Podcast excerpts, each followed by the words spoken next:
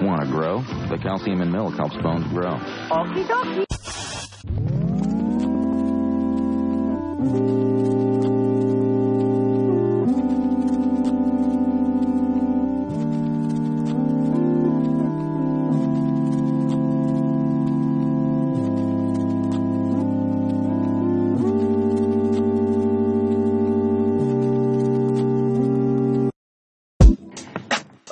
Selamat datang di podcast Treated yang kata orang susah banget untuk disebutin, ya kan? Karena itu tadi bahasa Inggris, maklum lah. Karena kan ini eh, apa ya terlahir podcast ini gara-gara tinggal di Jakarta Selatan, jadi agak-agak apa namanya fluensinya ada Inggris Inggris little bit gitu lah. Jadi kayak eh, you know lah agak-agak gimana gitu kan kayak like like I I don't know gitu kenapa bisa jadi kayak gini literally ya. Jadi gara-gara dari situ dari Jaksel terlahirlah yang namanya Port Restricted ini. Nah, yang bikin anak-anak Medan gitu pengen siaran terutama yang lahir di tahun kayaknya lama banget dia udah siaran ya Em, ini pun sudah lama juga vakum dari radio. Mari kita perkenalkan. Ini dia ada Kak Mira Arias Miranda Agustian Hai, hai. Eh, eh, eh, eh, kembali lagi dia. Asik. Ini dia nih yang ditunggu-tunggu ya kan? Setelah sekian Udah, lama. udah, udah ini gitu untuk ditanya-tanya gitu ya. Betul. Di, berasa diwawancara, biasanya wawancarin orang ya. Heeh, sekarang kan wah sudah kembali. Dan saya sih agak sedikit literally ini ya gugup ya literally gugup Iya, iya, iya, iya. Ya. Padahal ini belum tetap langsung ya, Be- gitu ya. itu dia kalau udah tetap langsung mungkin tidak akan melihat ke mukanya tapi ngelihat ke ya ya itu yang lain Oke Kak Mira s- eh, pertama kali terima kasih sudah mau ya diajakin ke podcast yang tidak seberapa ini pendengarnya Sama-sama, Rif. Ini kita udah janjian sejak kapan sih? Lupa ya kemarin. iya Sebelum pas Ramadan bukan sih? Kapan ya? Pas Ramadan, pas Ramadan. Sebenarnya sih udah lama dari waktu di radio juga kan. Cuma kan waktu itu Ah, I see. waktu itu kan kita apa ya? eh adalah gitu ya something yang we don't know aja terjadi gitu ya kan. Eh, nih Betul, betul, betul. mm, mm, mm, mm. tapi sehat ya kak ya. Alhamdulillah sehat. Ya. Sehat, Alhamdulillah. Alhamdulillah Asik. sehat. Sehat kan, Rif, di sana? Wah, begini ya seperti apa yang dilihat di TV dan lainnya. Kembula ya. Betul betul rasanya kayak keluar dari penjara gitu karena kan selama ini kan di rumah terus kan tiba-tiba keluar terus ya. Mm-mm, langsung kayak wadaw ini dunia ya Ya pokoknya keluar-keluar udah glowing, iya nggak sih? Ah. Oke Kak Mir mhm. Mas, ini kan lagi sebenarnya di sana sekarang itu gimana ya? PSBB apa gimana kondisinya? Jadi di Medan sendiri karena angka eh, awal kenanya itu masih dulu ya masih misalnya kayak hariannya itu nggak ratusan ya, jadi nggak seperti Jakarta Bandung, Surabaya yang yang memang kota-kotanya langsung menerapkan eh, eh, apa namanya PSBB gitu. Jadi di Medan sebenarnya enggak enggak diberlakukan seperti itu, tidak langsung PSBB tidak, cuman hanya eh, tetap melakukan protokol COVID seperti biasa, hanya kayak beberapa tempat-tempat keramaian ya itu pastilah ya sudah tutup. Tutup memang dari sejak awal itu sudah tutup karena memang himbauan pemerintah. Nah, kayak sekolah semua semua tuh memang udah tutup. Cuman tidak ada tuh yang memang eh, jalanan sepi itu nggak ada. Di Nggak Medan tuh jangan ditanya ya. Tidak mungkin, jalanan betul. sepi itu nggak ada. Tidak Eh, mungkin, iya, iya, iya. sepi ya paling paling apa ya subuh kali ya sepi ya gitu. Eh, Hmm. soalnya di daerah rumah sendiri aja daerah sini tuh begitu pertama kali dinyatakan bahwa ada pandemi di Sumatera Utara di Medan gitu kan. Terus ada kasusnya pertama satu hari aja kosong. Uh, terus mungkin mereka langsung mengira wah nggak ada apa-apa nih nggak kenapa kenapa ya udah Iya. besoknya rame lagi. Betul betul. Ya mungkin karena awal-awal itu kasusnya kayak cuma 6, 8, naiknya sedikit sedikit gitu, nggak langsung yang jebret ratusan misalnya kayak Jakarta. Jadi nggak langsung seperti itu pemerintahannya, tapi tetap ada peningkatan terus terus terus gitu. Oh, Oke, berarti sekarang gimana? Udah maksudnya longgar apa masih ya sebenarnya?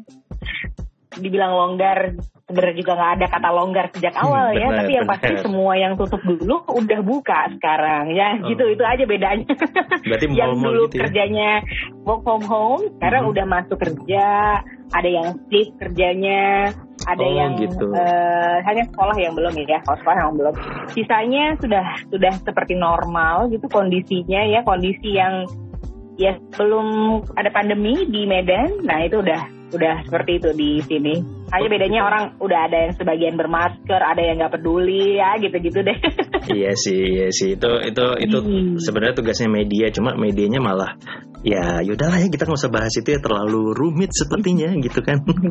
Tapi kalau anak gimana nih kak? Maksudnya kan eh, kalau Jakarta aja tuh udah pada berubah. Jadi belajarnya online kayak ya udah apa-apa tuh udah semuanya online gitu. Gimana kak? Kalau di sana apakah sama gitu? Sama, sama. Jadi memang kan sejak eh, presiden ngeluarin eh, apa Perpres ya, eh, sudah ditutup sekolah semuanya SD, SMP, SMA, PAUD, semua kuliah juga, semua kampus juga ditutup. Ya otomatis alternatif lainnya adalah melanjutkan via daring. Tapi memang eh, nggak semua sekolah ternyata. Jadi aku kaget aja gitu kan ngeliat ponakan eh, apa ponakan aku tuh ya di rumah kayak libur liburan sekolah gitu dari awal berapa bulan tuh Oh, ini kadang gitu. ngapa-ngapain enggak dari Wah. enggak ya ampun sedih sedih lah ya Iya, sedih iya. sekali gitu nggak ada apa-apa kayaknya memang eh, dari pihak sekolahnya sendiri punya peraturan yang beda ya nggak ngerti juga nah tapi kalau sekolah anak-anak selama masa eh, masa belajar mengajar masih tetap dilakukan dengan online gitu Oh gitu. Jadi susah nggak? Maksudnya ya pastilah ini kan em, apa ya? Jadinya parentingnya itu harus lebih deket ya. Kan selama ini mungkin nggak terlalu deket ketemunya sore ke malam biasanya kan gitu kan kalau orang-orang kantoran. Nah kalau Kamir Mm-mm. apalagi kerja barengan di rumah segala macamnya di rumah nge- ngeganggu Hmm. banget nggak sih adanya anak-anak itu gitu? Sebenarnya enggak sih, Riz. Jadi kan memang anak-anak ini dulu dari awal dari awal punya anak tuh aku udah punya konsep pengen homeschooling. Jadi memang Hmm. ya eh, nanti fasilitator untuk mengajar anak-anak tuh ya aku dan suami gitu. Dan juga nanti Oke. eh, source- outsource lah dari luar siapa gitu sesuai dengan bakat dan minatnya mereka. Tapi eh, berjalannya waktu gitu ya ternyata ada hal-hal yang oh oke ternyata kita belum mampu di sini jadi kita akan mampu apa kita akan menyerahkan eh, apa kita akan bermitra lah bahasanya nggak kalau nggak menyerahkan sih sebenarnya karena Iya. tujuan pendidikan tuh eh, orang tua ya yang kewajibannya itu orang tua bukan pihak yang lain gitu. Jadi ketika mereka dulu awalnya eh, sebelum masa preschool itu mereka homeschooling di rumah. Jadi yang anak pertama enggak TK jadi ya kita udah terbiasa untuk melakukan kegiatan belajar mengajar di rumah di luar di mana pun ikut eh, segala kegiatan-kegiatan aktivitas sesuai usia mereka gitu. Jadi udah biasa sebenarnya di rumah juga. Kita susun kurikulum sendiri dan lain-lain. Nah ketika udah ada bentuk seperti ini sebenarnya nggak repot dan juga nggak nggak nggak ada yang perlu dikhawatirkan juga sih. Cuman mungkin ya karena kondisinya hmm, online gitu. Anak-anak ini kan berbeda ya sama kita. Kita tuh paham gitu dunia online itu akan seperti apa. Anak-anak itu kan butuh yang ada visual terus juga ada sentuhan ada bermainnya Hmm, benar, bertemu ke sosialnya gitu ya belajar sosialnya juga. Itu yang nggak ada nggak didapat selama pandemi itu aja sih.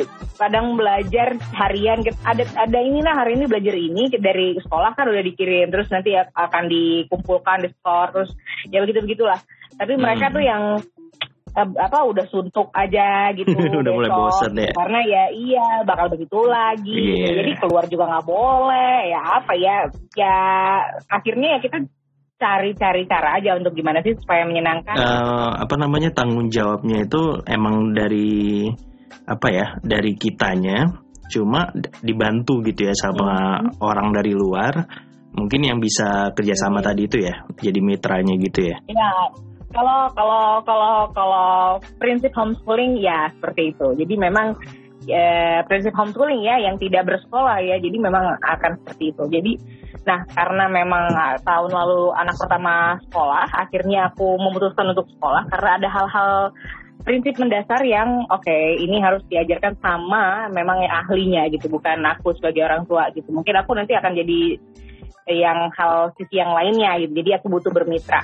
Tapi kalau di awal dulu memang ya sudah kekeh gitu apa pun semua semua uh, bentuk bentuk Hmm.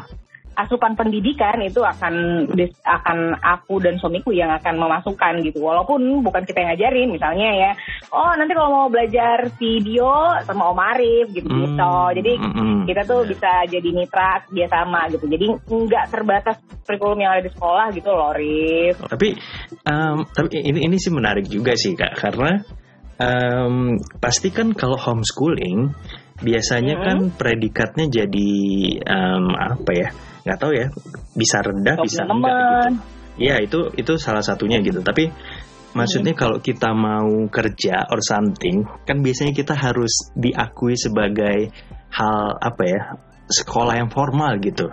Kita lulusan dari mana gitu kan. Tapi kalau homeschooling itu gimana? Apakah pernah nanya ke orang-orang gitu? Apakah ini bisa membuat dia nanti cari kerjanya gampang dan segala macam? Karena kan berpengaruh ya sebenarnya. Hmm, hmm, hmm, hmm. Nah, jadi balik lagi sih prinsip homes eh, prinsip dari sisi misi pendidikan keluarga ya. Ini kita jadi ngobrol homeschooling. Asik, nggak apa-apa, nggak apa-apa, nggak apa-apa. Dewasa banget kontennya. ya. Konten ini konten orang tua. gimana, gimana Iya, jadi karena karena memang ini sebenarnya membuka mata kita sih. Aku pribadi sebagai orang dewasa gitu ya, yang yang saat ini memang hitungannya sudah jadi orang tua gitu, tetap masih membutuhkan homeschooling gitu. Aku butuh Hmm, butuh prinsip-prinsipnya sih sebenarnya bukan homeschoolingnya ya, tapi prinsipnya gitu, prinsip uh, homeschoolingnya itu sendiri bahwa aku belajar tidak terbatas ruang, tidak terbatas eh, apa duduk di kursi dan menatap papan tulis nggak begitu Betul. lagi tuh prinsipnya sekarang. Aku bisa belajar anytime anywhere kapan pun yang aku mau dan dengan siapa. Itu kan kayak udah gampang sekali kan sekarang. Hmm, nah itu sih yang memang salah satu prinsip homeschooling gitu. Jadi eh, di dalam prinsip eh, homeschooling ya sekolah sekolahnya itu bukan sekolah yang ada di lembaga ya lembaga itu Iya. maksudnya ya sekolah swasta sekolah negeri ataupun eh, les nah itu Iya. itu beda lagi itu judulnya ada yang Hmm. just school- unschooling nah itu beda lagi nah kalau homeschooling memang benar-benar yang punya mm, tujuan pendidikan tuh ya keluarga rumah itu misalnya gini Oh, kita pengen oke. anak-anak kita fokus eh, untuk eh, apa ya eh, keminat bakatnya gitu dia Hmm. ngelihat keminat bakat jadi ya anaknya ternyata lebih seneng eh, ini apa namanya eh, melukis misalnya lebih senang berhitung ya banyak orang tuh akan fokuskan ke situ gitu. Akan menstimulus itu terus memfasilitasi. Tapi tidak lupa memperkenalkan hal-hal yang lain gitu yang bisa mereka eksplor jadi Hmm, kayak hmm. life skill itu yang jadi tujuan utama. Life skill itu ya semua pekerjaan rumah mereka bisa lakukan semua mereka bisa eksplor gitu. Terus pekerjaan-pekerjaan yang nantinya ketika mereka dewasa itu udah bisa langsung mereka kerjakan itu dari sejak kecil bisa udah kita tanamkan gitu. Jadi jangan takut kalau misalnya baru bisa jadi belajar jadi chef ketika udah gede gitu ya. Dari kecil mereka sudah bisa kok di stimulus itu belajar megang pisau segala macam masak megang kompor minyak ngidupin segala macam itu bisa gitu. Dan dari situ sih belajarnya belajar apa matematika, belajar bahasa, belajar biologi dari Iya. segala sesuatu yang mereka sentuh, raba, pegang, alami, ya itunya semua. Nah, ujung-ujungnya kan gini, nanti ketika udah anaknya dewasa, terus gimana dong ijazahnya? Ijazah itu gampang sebenarnya. Jadi karena anak homeschooling itu semuanya bisa berijazah. Nah, tergantung nih prinsip keluarga ini. Misalnya keluarga A, kami nggak butuh ijazah. Oh, oke, silahkan. Ada ya gitu, karena banyak kan itu eh, para pengus- pengusaha itu nggak butuh ijazah. Mereka yang penting butuh skill, Butuh skill, pengalaman. benar, ketika benar, akhirnya benar. mereka jadi pengusaha, bener kan? Yes. Nanti lah kalau udah gede mau kuliah gampang lah tuh kuliah di negara mana aja bisa kalau udah punya duit gitu kan. Iya, iya itu sih benar-benar. Sama ada lagi, ya, sama ada lagi yang memang tipe keluarga, oke, kita harus uh, mengumpulkan ijazah karena bisa jadi suatu saat itu dibutuhkan. Betul. Misalnya si anak mau melanjutkan studi uh, uh, ke mana, misalnya, jadi Iya. harus butuh ijazah. Oke, silahkan. Jadi itu prinsip keluarga masing-masing. Nah, ketika misalnya dia me- me- keluarga tersebut butuh ijazah dalam setiap rentan masa sekolah itu SD, SMP, SMA, dia bisa ambil paket A, paket B, dan paket C. Jadi dia harus daftar dulu nih ke KBM mana, dia Hmm. terdaftar, punya NIP, sama kayak anak-anak sekolah lain, terdaftar di KBM itu, nanti tinggal ujian waktu UN, uh udah beres gitu kan. Oh, Habis itu, ujian. Oke, oke. Mm-mm. Terus terus gimana? Hmm, jadi tinggal ikut ujian paket A untuk SD, paket B Hmm. untuk SMP, paket C Oke. untuk SMA gitu kan. Nah, dan seluruh ijazah itu bisa diterima untuk sekolah mana pun atau universitas mana pun sebenarnya. gitu. Hmm, Oke, Iya, oke, oke, dan- oke. Iya. Eh, eh, jadi kalau misalnya mau kuliah, misalnya nih ya, oke aku mau lanjut kuliah mah, gitu kan. Oke dia ikut ke SMA nih, ikut ujian paket C, gitu kan. Ketika dia SMA, Ya udah dia belajar tuh eh, untuk mm, eh, fokus ke ujian. Kemudian pas nanti dia kuliah, ya kita lihat dia mau kuliah di jurusan mana. Atau sebaliknya ada yang hmm, kayaknya kuliah itu udah bukan jadi hal kewajiban karena dia butuh uh, source lain misalnya. Dia butuh uh, aku nggak butuh kuliah aku cuman butuh uh, misalnya nanti udah gede dia mau fokus belajar coding misalnya. Ya udah dia akan diarahkan ke coding. Jadi buat apa kuliah gitu kan Rip? Iya sih, sebenarnya kalau benar. anaknya fokus ke situ. Kecuali kalau Mm-mm. misalnya aku pengen jadi dokter mah nah itu kan nggak mungkin ya diikutkan les uh, apa, les jadi dokter nggak ada, Nggak ada. jadi ya harus kuliah.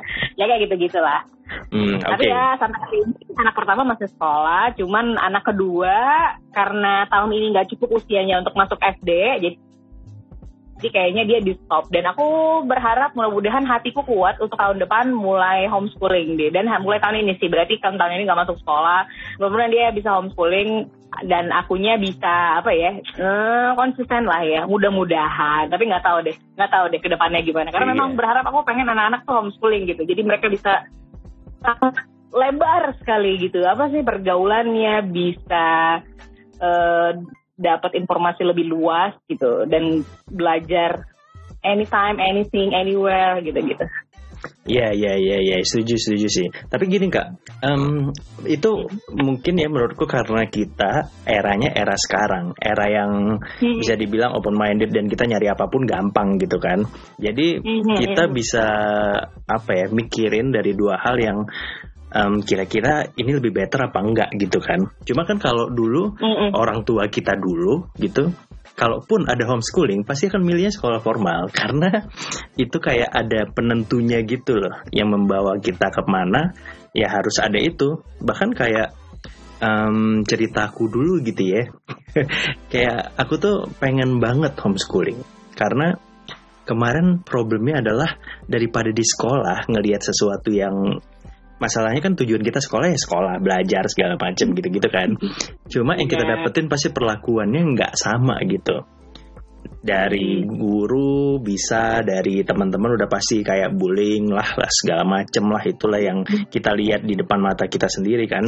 Yang berantem lah sebenarnya. Nah nah di situ Mhm. dimarahin semarah-marahnya karena alasannya kenapa nggak mau sekolah ya? Ya karena itu gitu. Pas mau di homeschoolingin ya itu alasannya nantinya nggak akan ngebantu karena kan saat itu mungkin homeschooling belum prepare kayak sekarang ya yang bisa dilegalin terus bisa kita bawa dan diakui juga gitu kan yang terjadi dulu adalah sering bolosnya ya karena itu karena sesuatu yang ngapain sih sekolah segala macam nyusahin juga sekolah pun juga Betul. apa yang kita dapetin dulu Betul. pun juga ah paling 30% doang gitu yang dari kita pelajarin dulu gitu. Nah. Yang nyangkut ya. bener. Yang Jadi- berguna. Nah makanya aku sampai mikir kan, kayaknya kita lebih better homeschooling deh di saat ini gitu di pandemi ini. Dan literally akhirnya orang-orang jadi homeschooling juga kan sebenarnya kan.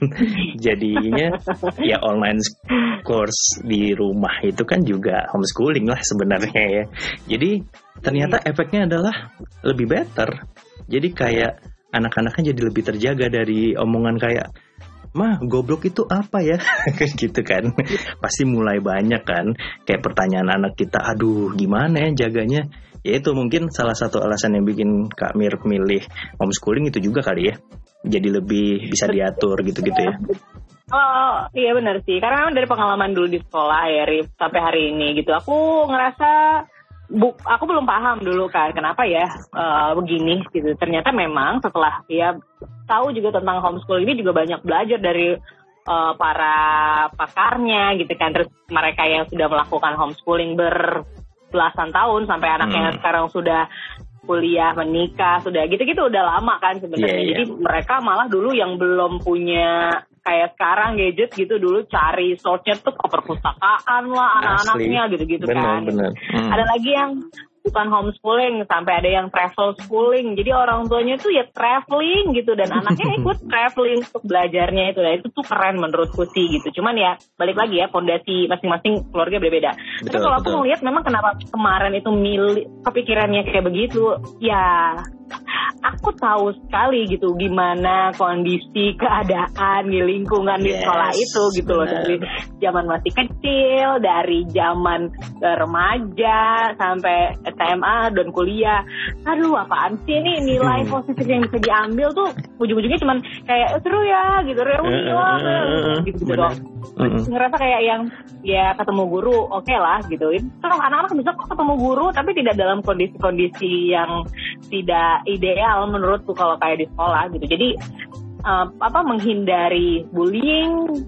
Mm, mungkin iya mungkin juga enggak. Karena ya bisa jadi bullying itu bukan hanya di sekolah tapi nanti dia udah bekerja ataupun dia nanti bersosial itu pasti dia akan ketemu bullying. Betul. walaupun nggak kayak di dulu ya di sekolah gitu kan. Iya, iya. pasti. Cuman cara kita lah menyikapi bahwa uh, mungkin kalau kita langsung sama anak-anak kita punya banyak waktu Rif gitu. Punya banyak waktu untuk uh, nggak usah jauh-jauh deh. Di sekolah tuh nggak ada diajarin soal bullying kan gitu. Nah kita bisa ngasih 3 SKS tentang bullying sendiri gitu.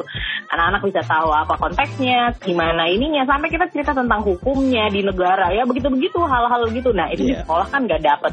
Betul, sama kayak betul. misalnya juga kayak eh, cerita tentang misalnya dia nanti ngelihat itu teman-teman aku tuh di sekolah ini lagi cuman gitu kan. Karena kita pernah melihat itu di sekolah dan aku kayaknya rasa nggak siap kalau ngasih gitu. Tapi Hmm. nggak bisa juga bilang nggak siap. Tapi gimana ya caranya? Ya itu tadi. Berarti eh, fokusnya adalah gimana kita mempersiapkan anak-anak ketika nanti akhirnya mereka bisa melihat itu dunia sebenar-benarnya dunia Hmm. mereka sudah paham gitu bahwa oke mereka eh, adalah hasil misalnya anak-anak yang di, tidak dididik dengan baik dengan orang tuanya. Atau mereka tidak menerapkan norma-norma agama dan segala jadi mereka punya si benteng sendiri gitu loh jadi Iya. kayak yang oh ya aku sih berharap gini oh ya kata mamaku nggak boleh gini oh kata, jadi mamaku atau oh kata papaku jadi bener-bener yang kita masukin itu masuk ke mereka gitu jadi Hmm. kayak bukan kata ibu guru nah, itu, itu tuh tuh kayak sedih sekali ya gitu udah kita yang lahirin kata ibu Bener. guru lagi kata ibu Iya juga.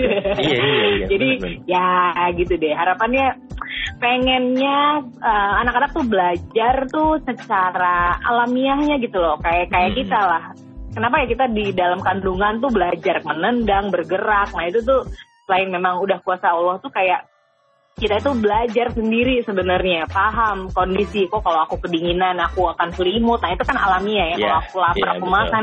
Termasuk sama belajar.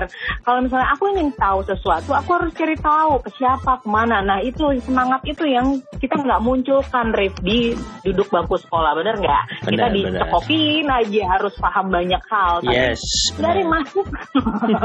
Asli itu itu udah not banget sih, udah underline banget lah itu kan. Jadi ya ujung-ujungnya kayak sekarang tuh mungkin, mungkin gini ya kali ya. Aku tuh karena baru beberapa tahun juga eh, hijrah ngerasa kayak oke ini udah saatnya sih aku membenahi diri. Membenahi diri tuh ternyata dimulai dari ak- apa namanya akidah dan pola pikir Iya. tentang eh, agama gitu. Karena memang ya kebalik sekali gitu. Dulu nggak dapat apa-apa nggak nggak kayak bodoh bodoh kali lah gitu nggak ngerti apa-apa. Yes. so, so paham dunia tapi ternyata nggak tahu apa-apa tuh. Iya, iya, iya. Eh, tentang akhirat ya kan.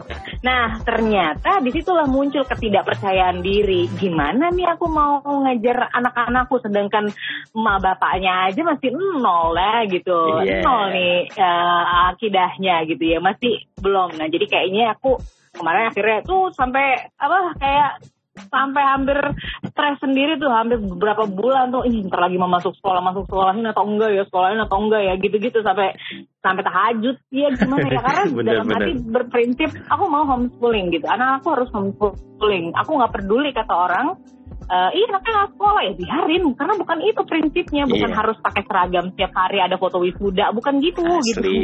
bukan. Benar, benar, benar. nanti anak-anaknya ya gitu-gitu deh bukan itu prinsip sekolah itu gitu loh tapi mereka senang dengan belajar dan mereka mau jadi pembelajar sejati gitu karena sampai mati mereka harus bela- belajar gitu sampai mereka dewasa harus belajar jadi ketika akhirnya kepikiran apa eh, apa ya apa namanya ya apa itulah ya gejolak hidup lah ya kayak Hmm. oke udah hijrah, aku belum punya. Jadi gimana caranya biar supaya aku dan anakku sama-sama belajar ya itulah. Akhirnya aku masukkan satu ke sekolah gitu ya dengan dengan metode dan prinsip yang sama dengan yang aku sedang pelajari gitu. Hmm. Jadi ya biar satu jalan gitu deh. Cuman tapi tetap ujung-ujungnya bentrok terus. Aduh, aku kok rasanya nggak serak ya. Anakku tuh harus duduk dari jam sekian sampai jam sekian. Tetap gitu-gitu. Iya, iya pasti, pasti, pasti. tetap ya. gitu. Hmm, dan em, kayaknya orang-orang yang menyekolahkan anaknya itu sih sejauh ini ya, Hmm. kayaknya cuma untuk pengakuan aja gitu. Karena buktinya kayak kita kuliah Hmm.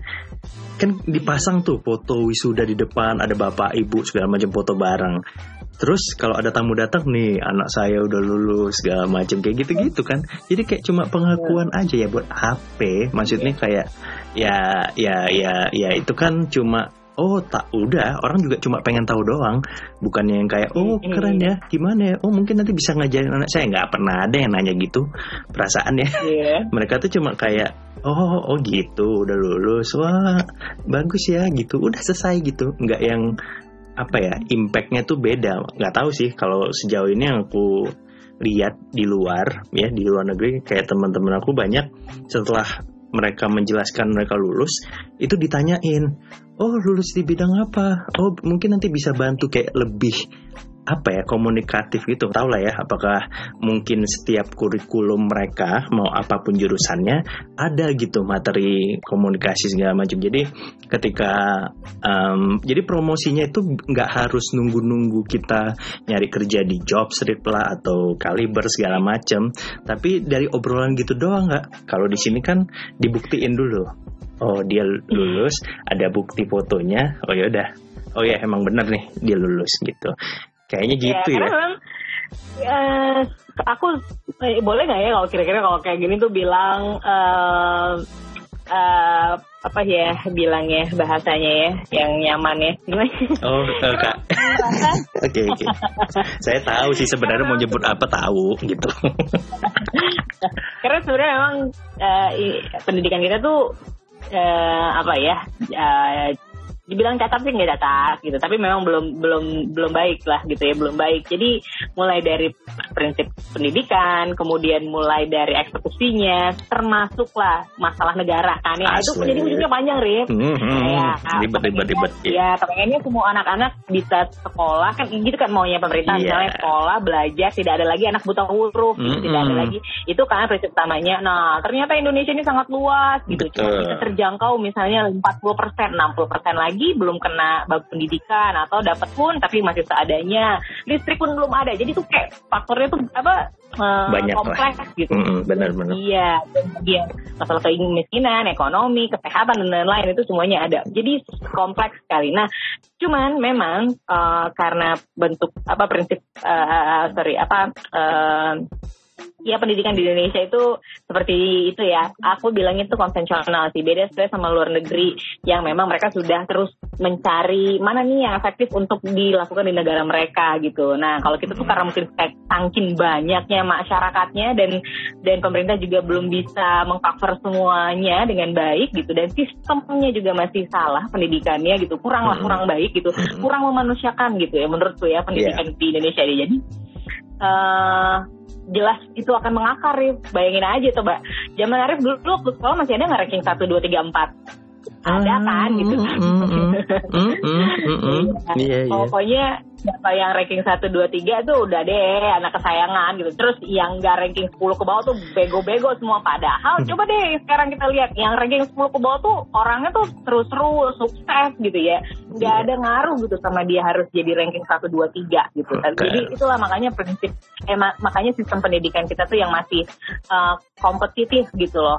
Menganggap segala sesuatu itu harus kompetitif. Termasuk majang-majang foto wisuda, ber- Iya. berusaha ingin lebih hebat dari anaknya, anak S1, S2, S3 misalnya gitu. Hmm. Padahal padahal prinsip pendidikan nggak seperti itu.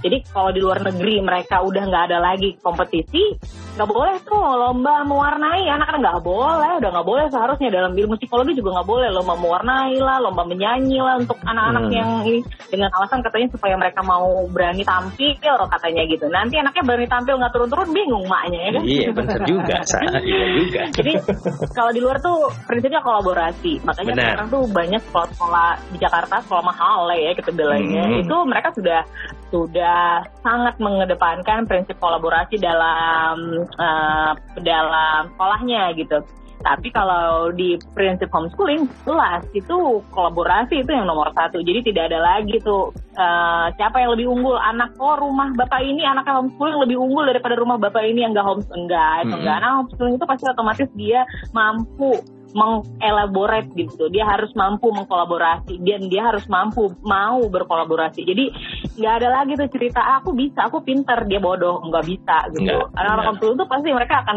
terdidik untuk gimana ya ngelihat lingkunganku apa ya yang bisa diekspor oh ternyata ada orang kurang mampu nih. Gimana ya aku akan buat sama teman-temanku satu buat kegiatan yang gimana udah segala macam. Ya seperti itu. Dan itu nggak bisa dilakukan sama anak-anak yang duduk di bangku sekolahan ya nggak iya benar-benar kayaknya butuh suportif sih dan ada harus ada yang berani mulai juga. Karena kan sesuatu yang diikutin tuh biasanya kan harus ada yang mulai dulu yang gila aja dulu gitu. Untuk memulai Oh, betul. sehingga ya udah apalagi tradisi kita kan ngikut-ngikut ya. Jadi kayak apa Iya. yang dibuat wah itu menarik tuh. Ya udah ngikut aja semua gitu.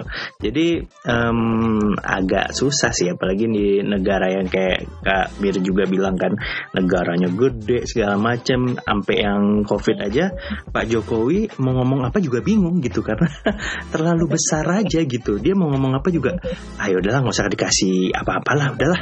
Manusianya juga kayak gitu. Ini kompleks. Benar kompleks. Kali benar kompleks. harapannya harapannya gitu sih Rip. aku ngerasa kayak anak-anak yang duduk di duduk ya sama sih orang-orang yang bekerja juga 9 to 5 atau anak-anak lah ya karena masa eksplorasinya lebih banyak. Itu anak sekolah. Ketika mereka hanya duduk di bangku sekolah mereka nggak bisa lihat kiri kanannya Rip. Jadi Asli. akan terpaku di situ aja. Empatinya jadi rendah ke orang lain gitu loh. Daya apa sosialnya rendah. Ya paling anak-anak osis doang yang mau jiwa sosialnya tinggi Yes, ya lah sih iya, Sisanya iya. enggak Benar, itu pun juga ada ini kak, ada standarnya kan. Kalau mau masuk, ah, kalau mau masuk osis lo harus kayak gini, kayak gini, kayak gini. Ye, kali coy, ya kan. Ada gitu-gitu juga. Pada akhirnya ya, yang berkembang ya itu itu aja, gitu loh. Yang memang ekstrovert, ekstrovert, ya kan. Yang introvert ya tidak akan berkembang, kayak gitu-gitu. Jadi apa ya? sebenarnya ya introvert itu punya skill lebih dalam daripada anak extrovert gitu ya Hmm, makanya, cuma kan yang dapat panggung biasanya pasti ekstrovert terus kan, karena dia apa ya, ya udah banci tampil aja Apik. gitu. Heeh, makanya jadi kemarin tuh kayak sempet ngobrol sama beberapa orang yang eh, apa ya, yang yang udah nikah juga, apalagi kayak Kak Mir kan termasuk yang baru ya kak ya. Siapa tuh? Kak Mir udah berapa tahun ya nikah? Waduh, Udah jalan nomor berapa nih? satu umurnya udah 8 tahun berarti berapa tahun tuh? Kayaknya 2011 berapa tahun sih? Waduh, dia lupa juga ya Allah. Memang Ya, itu deh pokoknya. berat-berat ya. Tapi gini, em, jadi kan ke mana aku dapat ceritanya si temenku ini lagi bagi raport gitu. Terus dateng anaknya bawa gambar. Papa, papa lihat tuh. Lihat nih gambarnya, gambar si ini jelek ya, gitu kan. Eh, jelek ya. Terus bapaknya bingung, gitu kan. Nah, ya udah bapaknya bingung nih. Terus bapaknya ngejelasin. Nah, in, gambarnya jelek bukan berarti dia nggak bisa gambar seperti kamu. Kalau baca tulis belum bisa, bukan berarti kamu bodoh gitu. Karena kamu belum mempelajarinya aja gitu. Yaudah sana kamu main lagi.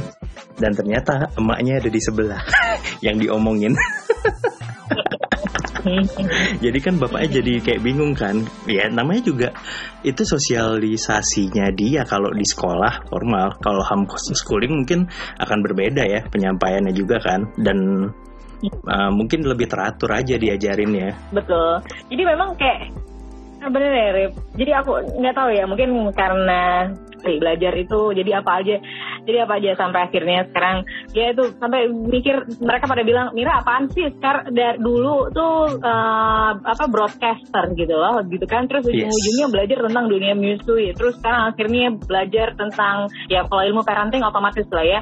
Terus juga uh, apa belajar ilmu agama belajar juga um, apa namanya tentang uh, sustainable living, zero waste yang sekarang aku masih sedang giat-giat. Jadi kayak apa sih semuanya kita mau dipelajarin. Tapi ternyata bener Rif gitu. Apa ya hal-hal yang begitu tuh yang dulu aku nggak dapet di sekolahan, dulu aku nggak dapet dari orang tua gitu, dulu aku nggak dapet dari mana pun gitu. Nah ujung-ujungnya hal-hal yang seperti ini tuh practical living sekali loh gitu. Jadi yeah. ini yang harus kita pelajari dan kita terapkan gitu. Gimana hmm. sih ceritanya kita bisa hidup mindful, bisa hidup paham apa yang kita kerjakan, nggak cuman kayak jadi robot jalan aja gitu. Kok. Gimana? Ide ikut aja kata orang apa ah, aja gitu, jangan gitu dong gitu. Oh yeah. nanti kok mati? Itu harus dipertanggungjawabin loh gitu. Dan ditanya nanti kan dia bilang ya aku kan nggak tahu nggak ada yang ngasih tahu ya. Nanti Tuhan tanya ya dipakai lah otakmu biar supaya tahu. kan itu kan? Udah otak dipakai dong gitu. Jadi kayak yang sekarang tuh jadi kalau uh, banyak hal yang uh, apa uh, banyak hal sekali sih sebenarnya untuk dipelajari ya termasuk itu jadi kayak yang cara komunikasi pada anak sampai aku aku sempat sempat ini kemarin nangis gitu ya waktu punya anak mm. ngerasa ih apaan sih uh, segala panggung MC ribuan manusia dihadapin ngomong apa MC depan presiden aja berani giliran sama anak ngomong bersalahan gitu. yeah, sampai yeah. berantem Bener. salah sampai sampai akhirnya harus ikut seminar inilah, konseling ke sinilah untuk belajar tentang untuk ikut kelas inilah kelas parenting untuk gimana cara ngomong komunikasi efektif pada anak. Ya ampun Rif, Rif itu belajarnya lebih susah daripada belajar pakai skrip, ngerti hmm, nggak hmm, sih? Cara kita tuh ngomong tuh bersalahan semua ke anak. Bener. Sampai yang mikir ya ampun, ya ampun gitu, aku harus ngulang dari mana nih? Semuanya harus direset ulang gitu loh.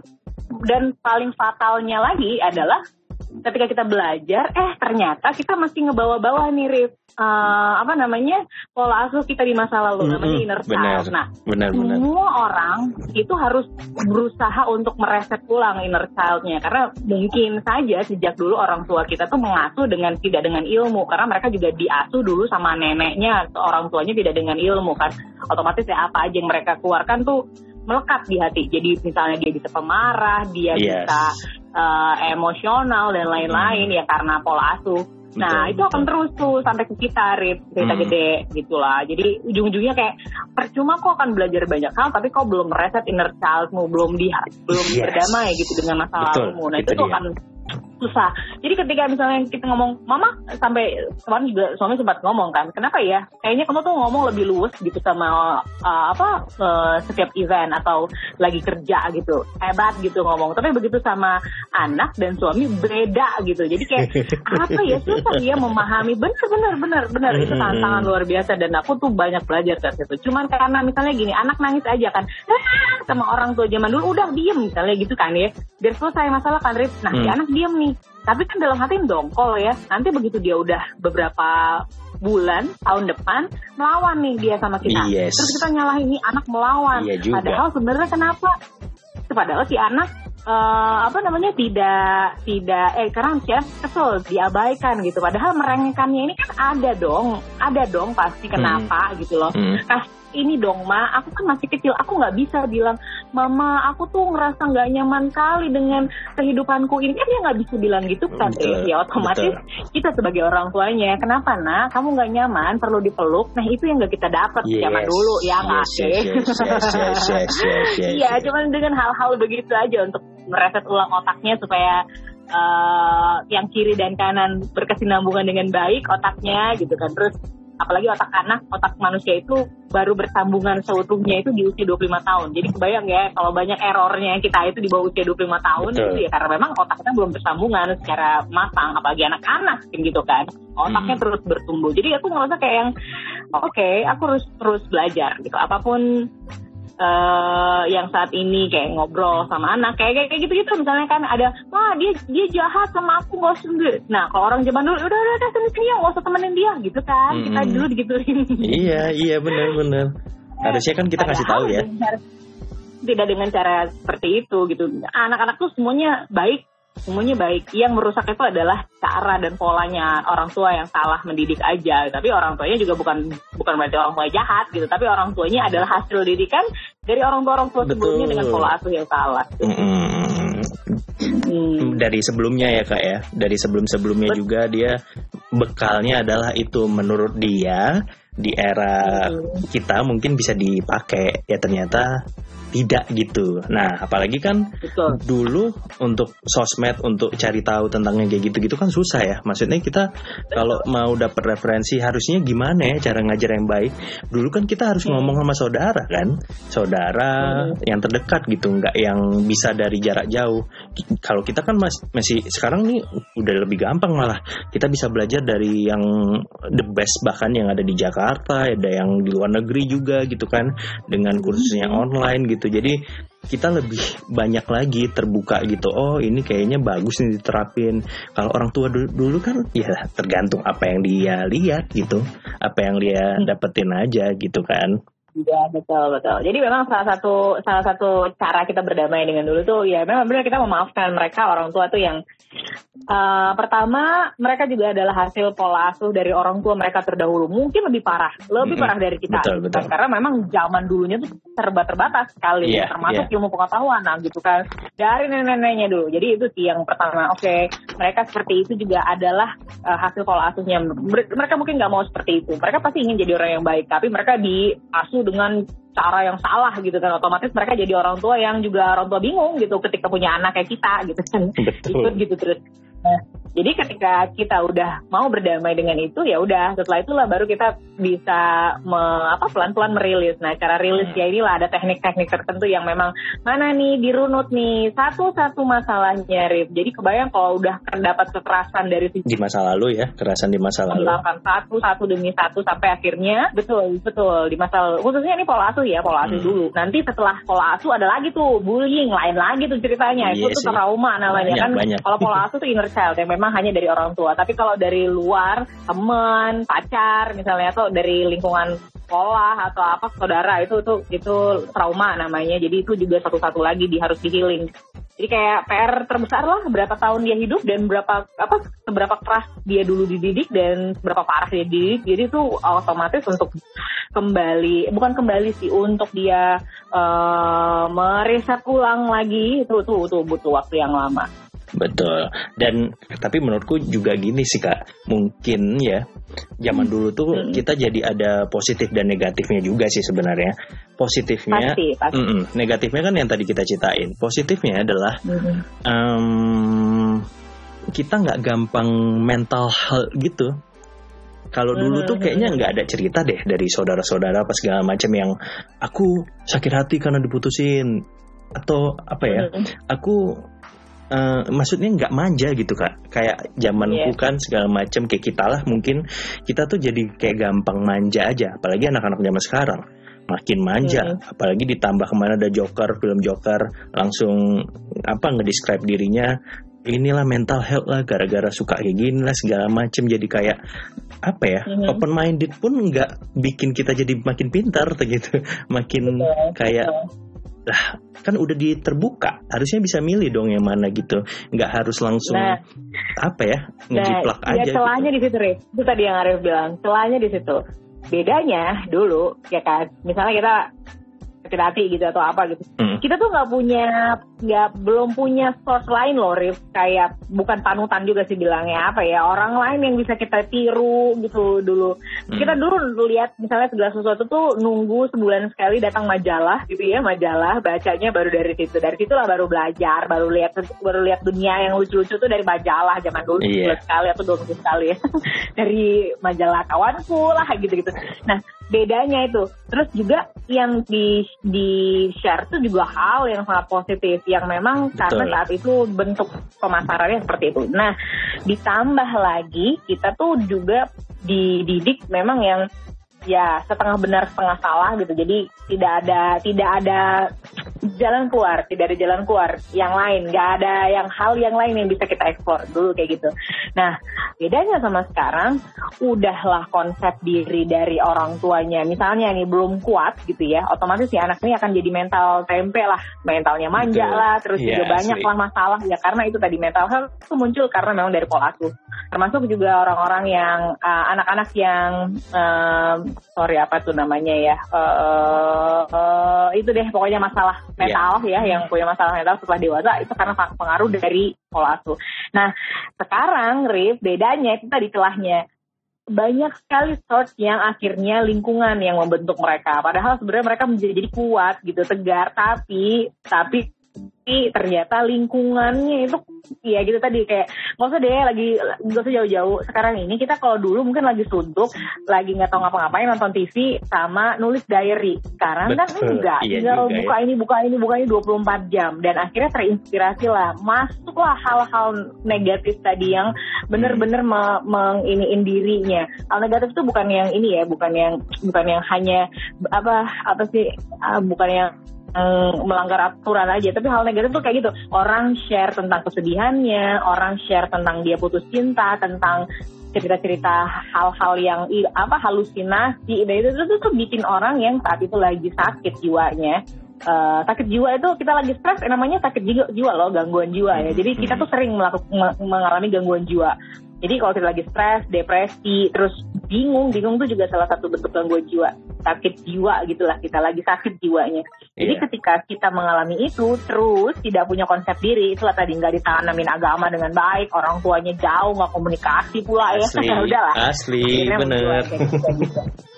Iya, Hmm. jadi sekarang tuh udah udah udah eh, udah sangat paham. Jadi sekarang aku udah punya eh, apa eh, sudut pandang ketika misalnya melihat eh, apa ya orang-orang yang eh, buruk gitu perilakunya. Aku tuh nggak marah sama mereka, tapi aku mengasihani perilakunya mereka karena Iya. aku tahu kali kamu tuh pasti orang baik, tapi kamu ad- apa hasil didikan yang kurang tepat, lingkunganmu mungkin juga nggak baik gitu. Jadi aku tuh udah melihat ke situ. Misalnya kayak ada orang kenapa ya dia tuh ma apa putus nyambung sama pacarnya atau enggak dia gampang aja menyerahkan dirinya sama lelaki mana pun nah Hmm, gitu-gitu itu iya, tuh iya. ada Rif ininya apa r- eh, riwayat psikologisnya tuh ada gitu Hmm. jadi kalau dia nggak deket sama ayahnya, zaman dulu ayahnya kerja terus si anak perempuan ini nanti begitu dia udah masuk remaja, gampang lah dia akan mencari uh, lelaki-lelaki pengganti yang tidak dapat ayahnya dulu dan itu masalah masalah psikologis dan pengasuhan di golden age kan. Kalau nggak dapat itu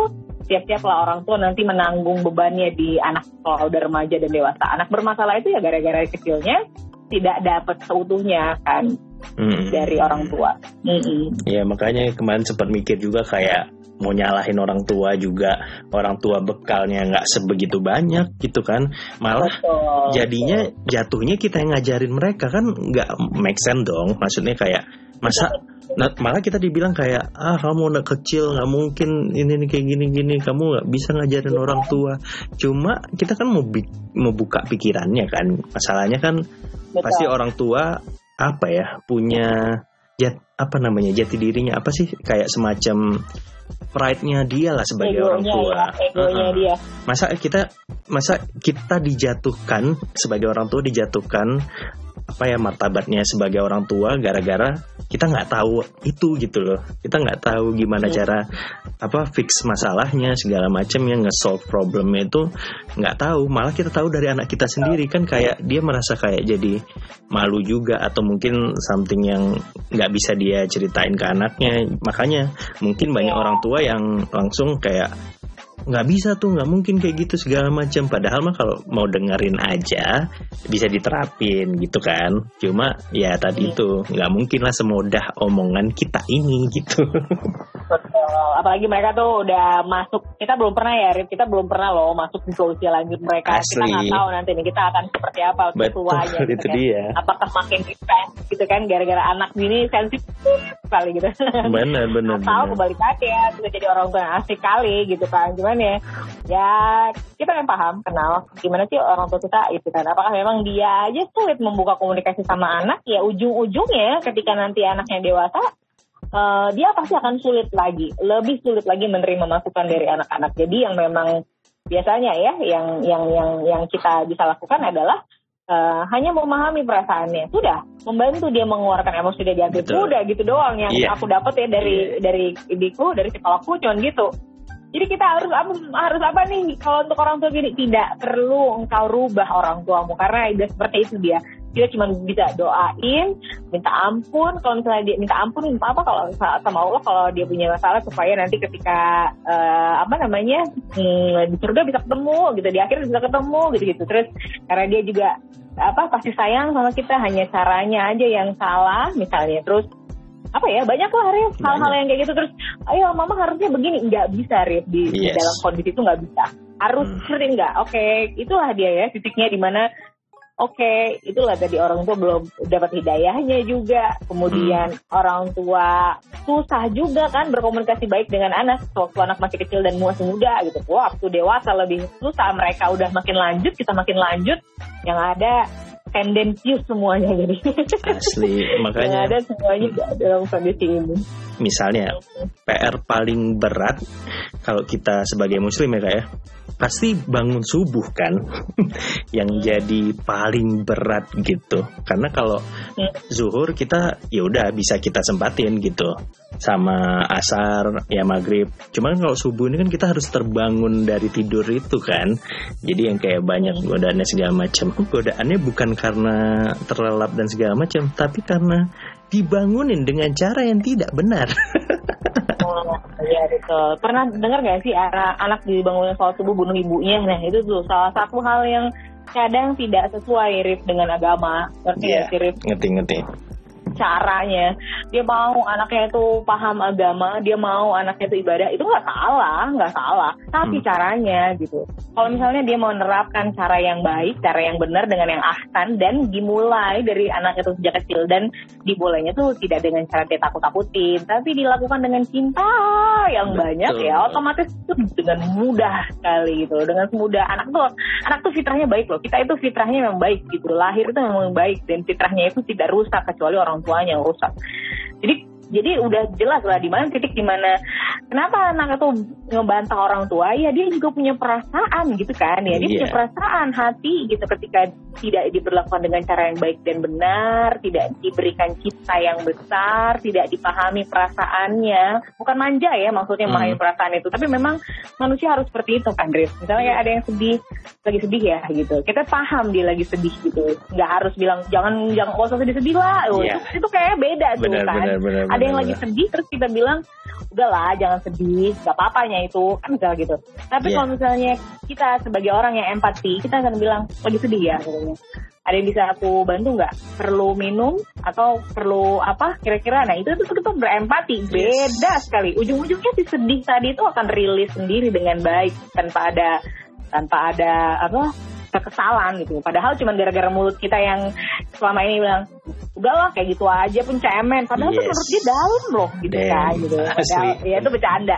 Gara-gara bercanda ujung-ujungnya itu melekat di perasaan termasuk tadi cara misalnya bangunkan anak nggak salah kok bangun eh apa dia yang disuruhnya supaya harus sholat lima waktu karena memang itu yang yang wajib dan yeah. itu akan dihisap nanti tapi caranya kebayang nggak sih kalau anak uh, lagi ngantuk dibangunin dipaksa gitu tapi nggak ditumbuhkan dulu nih kenapa harus bangun nah kenapa harus hmm. sholat nah gitu Emang kita hmm. ngapain harus sholat? Nah, nanti anak itu rela sendiri. Oh iya, udah yeah. kewajibanku sholat, tapi agak ngantuk 5 menit lagi ya, boleh. Nah. Tapi dengan boleh nah 5 menit lagi. Gitu-gitu kan, Rip. Nah, iya. Nah, kalau misalnya dilakukan dengan cara itu, mudah-mudahan semuanya aman sentosa dan anak itu tahu bahwa oh iya malah aku nggak pernah maksa tapi ini udah kewajibanku. Aku uh, karena apa namanya Allah sayang sama aku aku dikasih hidup dikasih mama papa makan berarti aku harus ibadah. Karena memang aku tujuan diciptakannya manusia tuh untuk ibadah gitu. Jadi oh iya aku ibadah walaupun kadang males. Nggak apa-apa orang tua bantu untuk motivasi gitu kan. hmm, hmm. kayak kayak hmm. kita belajar jalan aja dulu kan nggak mungkin langsung bisa jalan kan? Pasti kayak oh nikmatin iya. dulu oh kayak gini dulu oh jatuh lagi ya udah bangun lagi jatuh lagi bangun lagi. Sama juga kayak untuk subuh doang gitu kayak ya udah hari ini uh, bisa. Terus besok aduh capek banget gara-gara ngantor di malam ya udah deh istirahat dulu deh bentar aja. Ntar baru deh jalan ke masjid misalnya gitu ya. Itu kan enak Hmm. tapi kan kenyataannya tidak begitu. Kenyataannya kan ya harus harus gitu ayo entar telat segala macam udah rokaat cuma dua rokaat gitu. Gimana caranya mau ngulang? Kan nggak mungkin ngulang dua rokaat itu juga kan. Ya kayak gitu gitu ya sebenarnya kan kita pun sholat sendiri ya nggak masalah. Maksudnya ada batasannya ada waktunya sampai kapan gitu-gitu kan. Cuma ya itu tadi baliknya kenapa harus begitu gitu. Padahal udah ada batasan yang terbaik gimana cara ngerilis itunya gitu kan ngajarinnya gimana. Jadi kita pun yang sebagai anak pun kayak nggak diajarin sama apa ya sama guru yang keras gitu tapi sama guru yang memang nasehatin oh iya kayak gini kamu kayak gini gini. Bukan manja kan jatuhnya ya, kak? Itu kan lebih kayak apa ya nanem aja ya kayak nanam nanam nanam nanti lama-lama oh yaudah silahkan jalan sendiri. Oh berarti nggak perlu lagi dibangunin nih karena udah tertanam tadi kan udah dibentuk. Betul. Sama kayak aku sekarang tuh ngeliat kayak misalnya ya ada ada misalnya dulu lah ya teman misalnya ada narkoba terus dia mabok terus dia gitu gitu kan. Baru sekarang sih tahu mereka tuh bukan bandel mereka tuh bukan nakal mereka tuh bukan orang jahat gitu. Mereka nggak jahat sebenarnya.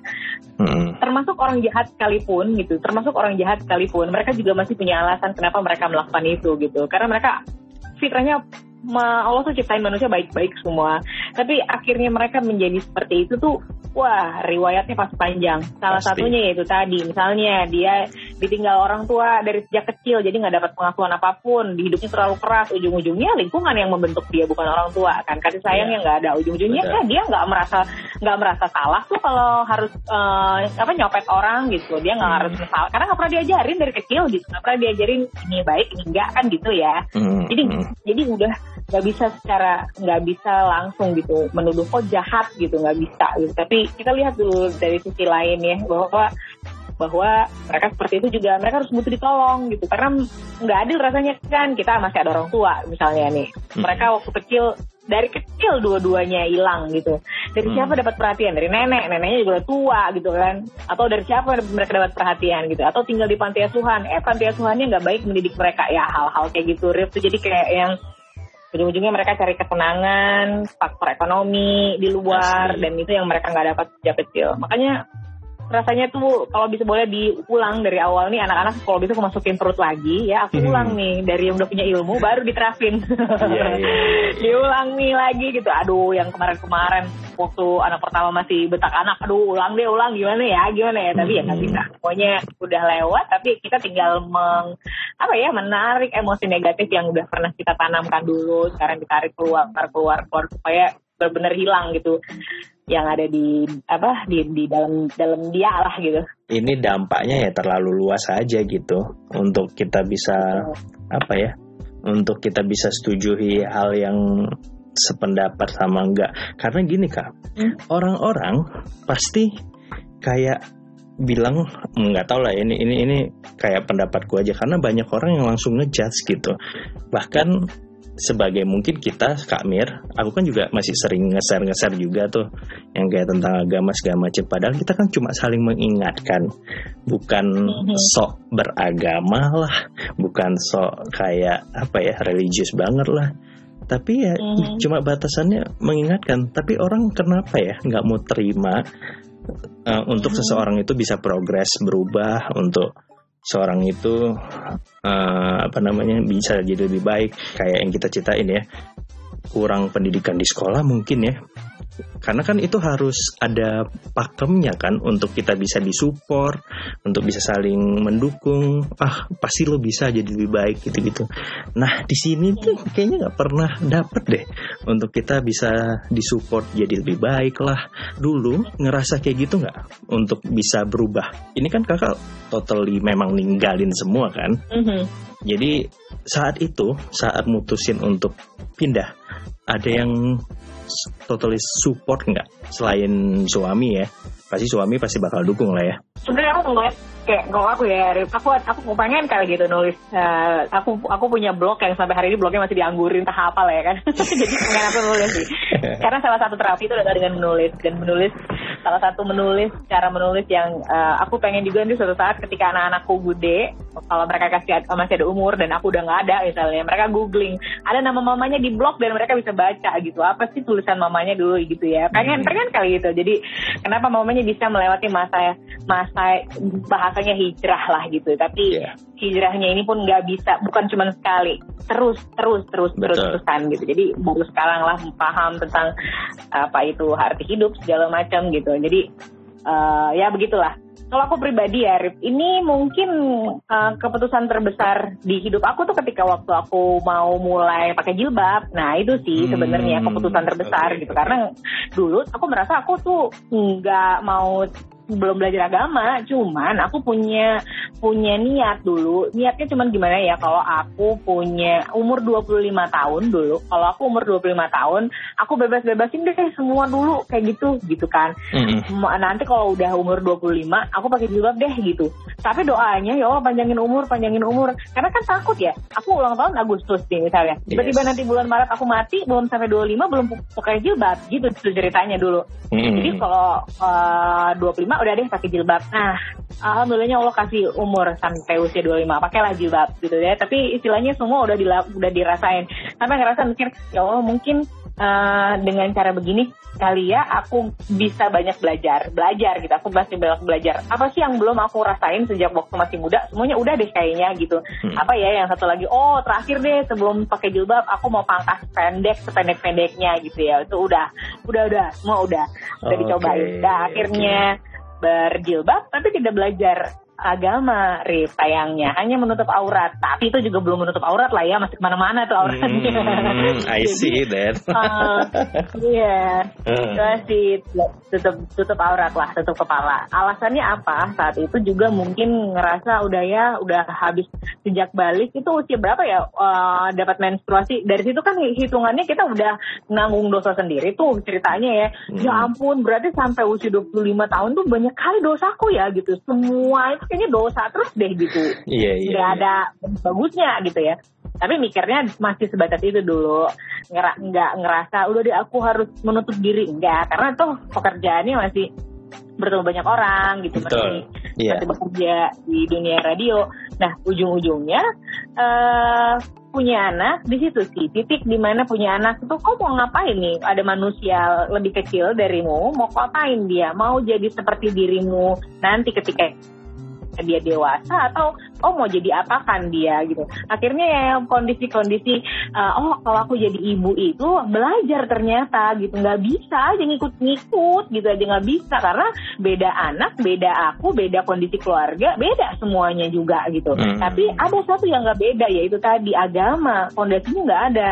Dan jadi kayak selama beberapa tahun itu tuh doanya cuma minta hidayah aja. Tapi sendirinya aku nggak tahu hidayah itu apa gitu. Aku minta ya apa eh, Allah tunjukkan jalan yang baik gitu jalan yang lurus untuk untuk untuk untuk aku gitu supaya aku hmm. nggak hmm. salah jalan gitu. Dan aku juga nggak ngerti jalan yang lurus dan jalan yang benar itu maksudnya apa. Cuman itu yang ada di mulutku saat itu. Karena aku pengen jadi ibu yang lebih baik jadi istri yang lebih baik gitu. Karena udah deh yang kemarin-kemarin tuh kayaknya mm, kosong gitu ya. Pengen aja deh ada pengen aja deh benar-benar uh, apa melakukan hidup bener ya udah belajar. Akhirnya itu sih yang membuka mata Rip. Jadi kayak ngelihat orang lain terus uh, berada di lingkungan atau komunitas orang-orang yang mungkin belum belum 100% ininya uh, apa namanya ya uh, positive vibe gitu. Tapi minimal mereka adalah kelompok-kelompok orang yang mau belajar terus paham tentang hmm. belajar. Anak-anak itu didik harus apa? Mereka tuh bukan kertas kosong gitu. Allah tuh menciptakan mereka bukan kayak kertas kosong yang kita coret terus kita isi enggak. Mereka tuh udah fitrahnya baik.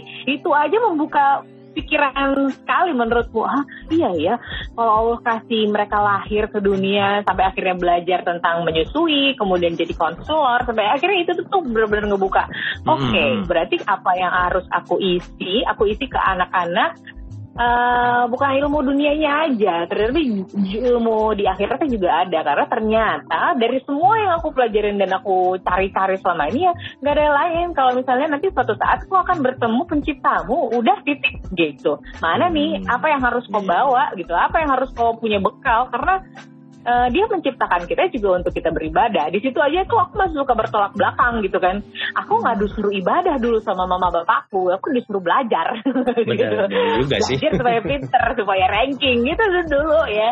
Jadi hmm. makanya kayak, waduh berat ya memang jadi kita yang ilmunya masih nol gitu. Jadi kayak berat ya buat kita yang masih uh, mas apa ya masih terus belum belajar. Dan dan ujung-ujungnya karena belajar bertemu dan balik lagi ya. Dan alhamdulillah Allah kasih mungkin ya bentuk hidayah kecil sebenarnya menurutku ya Rif. Karena hidayah hidayah itu terus ada.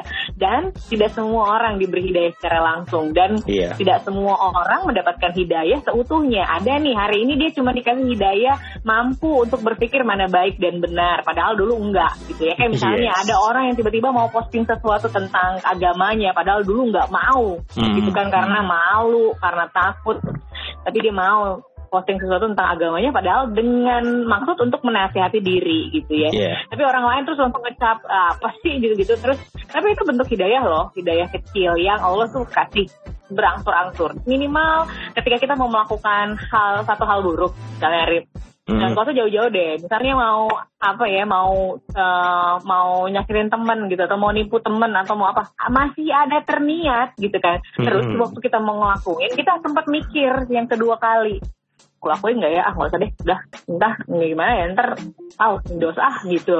Hmm. itu aja udah bentuk hidayah tuh gitu. Jadi kayak Allah tuh ngasih pilihan ke kita apakah kita memang masih mau uh, mengikuti hawa nafsu atau enggak. Gitu sih aku ngerasa ya Allah berarti dengan cara aku berpikir untuk aku takut melakukan satu dosa Allah tuh juga udah kasih hidayah loh sama aku. Nah masih hmm. sebatas itu tuh hidayahnya. Belum nanti sholat lima waktunya belum misalnya. Belum lagi nanti tutup auratnya misalnya bergaul sama yang bukan muhrimnya misalnya ya gitu gitu satu-satu dan aku ngerasa kalau ada yang misalnya tiba-tiba Allah langsung kasih jebret gitu kan 100% itu tuh kayak dapat harta karun luar biasa karena uh, manusia kadang-kadang tidak bisa mampu mendapatkan itu 100% gitu ya kecuali nabi tapi yeah. kalau iya. misalnya dia dapat hal seperti itu tuh kayak yang wow menurutku. Karena pasti manusia tuh punya masa lalu yang belum tentu baik gitu loh masa lalunya. Ujung-ujungnya untuk dia berubah jadi lebih baik itu juga lebih sulit gitu ya. Dan segala sesuatunya bisa ya karena pertolongan Allah bukan karena dirinya sih menurutku. Ya kayak gitu-gitu aja Rip. Itu yeah. untuk masuk ke hati ke jiwa ke raga gitu. Bahwa kayak uh, misalnya kita bilang gini ya ini kan aku bisa begitu tuh karena prestasiku, karena usahaku. Hmm, no, bukan karena prestasi dan usahamu, tapi karena Allah. Kalau misalnya segala sesuatu tadi tanpa atas izin Allah tuh nggak akan bisa.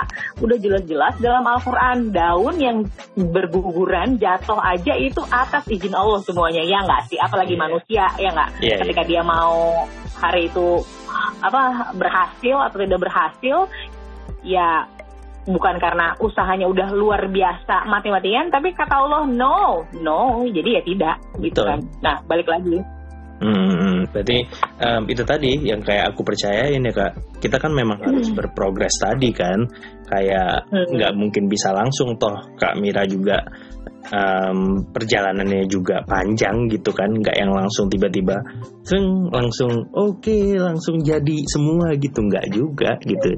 Emang kita ya, harus benar-benar kita kan harus nikmatin satu-satu segala macam. Ya mungkin itu tadi uh, semua orang berhak apa ya ya udah jalanin aja dulu gitu. Kalau misalnya kau ngerasa nggak enakan terus ada yang berat di hidupmu merasa beban makin banyak ya mungkin udah saatnya gitu kan mungkin hmm. oke okay. oh, oh, benar-benar tapi ada ada satu kondisi Rif. kondisi yang memang benar-benar kayak udah nancep di hati aku sih gitu jadi kayak misalnya oh, gitu. okay. dulu aku pernah kepikiran untuk eh ntar deh eh, belajar belajar agamanya pas 40 tahun aja umurnya gitu sampai anak gede aja deh gitu baru Hmm. mau belajar gitu atau minimal kayak ya gitu gitu deh tapi tetap nih doanya tetap kan mintanya Iya. ya tetap doanya terus terus seperti itu terus doanya tetap Allah minta tu- tunjukkan jalan yang benar jalan yang lurus jalan yang kau ridhoi cuman itu jalannya karena nggak tahu tuh jalan yang benar tuh gimana tuh nggak tahu nah Iya. tapi ada satu kondisi kayak orang-orang tuh sering ngingetin gitu kan Eh eh, apa eh, rezeki jodoh mau itu cuma Allah yang tahu ketika kita hari ini mau keinginan melakukan hal-hal yang kita sukain dan mengikuti hawa nafsu ya Hmm. otomatis bentuk bentuknya kayak dosa ringan besar atau kecil gitu kan Iya. nggak tahu nih berarti umur 40 tahun umur 40 tahun tadi angan-anganku tuh nggak tercapai. Dan aku belum tobat nih ceritanya gitu kan. Udah Hmm. mati duluan. Ya udah berarti aku mati dalam kondisi aku tidak dalam kondisi yang baik misalnya gitu. Itu Hmm. sih yang kemarin tuh bener-bener aku tuh kayak ya Allah jangan cabut dulu nyawaku. Ya Allah jangan jangan matiin aku dulu. Aku mau didik anak-anakku dulu. Aku mau rubah diriku dulu. Hmm. tapi minimal ya Allah kalaupun misalnya hari ini mati ataupun misalnya aku udah nggak punya umur lagi tapi aku wah aku pengen jadi manusia yang lebih baik. Aku pengen berubah Hmm. gitu. Dan pengen eh, meninggalkan yang sudah yang buruk gitu. Meninggalkan yang buruk yang sudah sudah nggak mau lakuin lagi. Kalaupun misalnya misalnya ada kepikiran ah sudah emaskan gitu gitu ya kan. Jadi kayak Hmm. kayak eh, gitulah oh yaudah nih nggak usah. Nanti tiba-tiba lagi melakukan hal yang eh, nggak baik mati gitu kan. Ah, Hmm. belum sempat belum sempat berubah gitu, gitu Iya, ya iya. itu jadi otomatis kita terhitung dalam kondisi orang yang eh, belum baik gitu. Bukan bukan belum baik lah apa ya. Belum taat lah ya bilangnya belum Iya. taat. Karena memang belum melakukan ketaatan kondisinya saat itu. Jadi itu sih yang aku kayak ah Oh, gitu ya. sosokan mau umur berapa gitu kemarin gitu takut kan Iya, iya, kalau iya. iya kalau enggak gitu Hmm, berarti itu ya, mungkin triggernya di situ ya. Jadi kayak tiba-tiba Hmm. langsung eh, apa ya? Oh, ini nih udah paling bener nih, ya udahlah gitu ya. Langsung ngikutin Iya. segala macam. Hmm, Karena banyak ingat kematian katanya. Ketika aku ngerasa, nih aku tidur nih, sholat nih, gitu kan tidur. Terus anak-anakku di samping, eh tiba-tiba kalau misalnya besok pagi aku nggak bangun, berarti aku nggak sempet dong gendong-gendong anakku lagi. Wah itu tuh, tuh udah hal yang bukan takut matinya sih, Riz. bukan Hmm. takut tiba-tiba mati atau bukan takut itunya sih. Takutnya ya itu berarti hidupku selesai di situ dan aku belum Iya. melakukan apa yang tadi aku cita-citakan dan inginkan gitu kan. Iya, Kayak Hmm. gitu-gitu. Jadi kayak ya berarti aku belum masuk dalam posisi aku ingin berubah dong gitu. Aku belum berusaha dong, walaupun sudah punya niat misalnya, tapi tidak melakukan. Eh abai. Kalau dalam kondisi abai berarti kan berarti sama aja kau mengabaikan Tuhanmu gitu kan, tapi Betul. tidak kau ingin tidak taat gitu. Iya. Sampai ada kayak pepatah yang hal-hal yang menyakitin itu adalah ketika hatimu ingin taat tapi perilakumu enggak gitu. Hatimu Hmm. pengen taat tapi Hmm. perilakumu enggak. Itu tuh adalah bentuk sakit hati tertinggi sebenarnya. Iya, Jadi iya, aku, benar. juga ya gitu ya juga sih gitu. Aku pengen baik ya Allah pengen baik tapi ya ujung-ujungnya ada lagi melakukan hal-hal hal-hal yang eh, apa kurang baik misalnya. Hmm. Nah. itu bentuk bentuk sakit hati yang betul. paling ini deh. Paling tinggi ya itu ya kak ya. Tapi Hatimu pengen taat baik gitu, tapi ternyata perilakumu enggak gitu. Mm, mm, mm. benar-benar. Tapi berarti em, yang mensupport sekali lagi itu memang diri sendiri ya. Pada akhirnya juga Aku- diri sendiri yang ini ya. Betul. Karena suami juga nggak tahu waktu itu nggak ada ngobrol juga sama suami. Karena tuh memang kayak bener-bener hmm, cuman si Mira ini dalam dan Tuhan ya saat itu. Jadi kayak gitu. Hmm, Oh, aku sama uh, Allah aja deh gitu.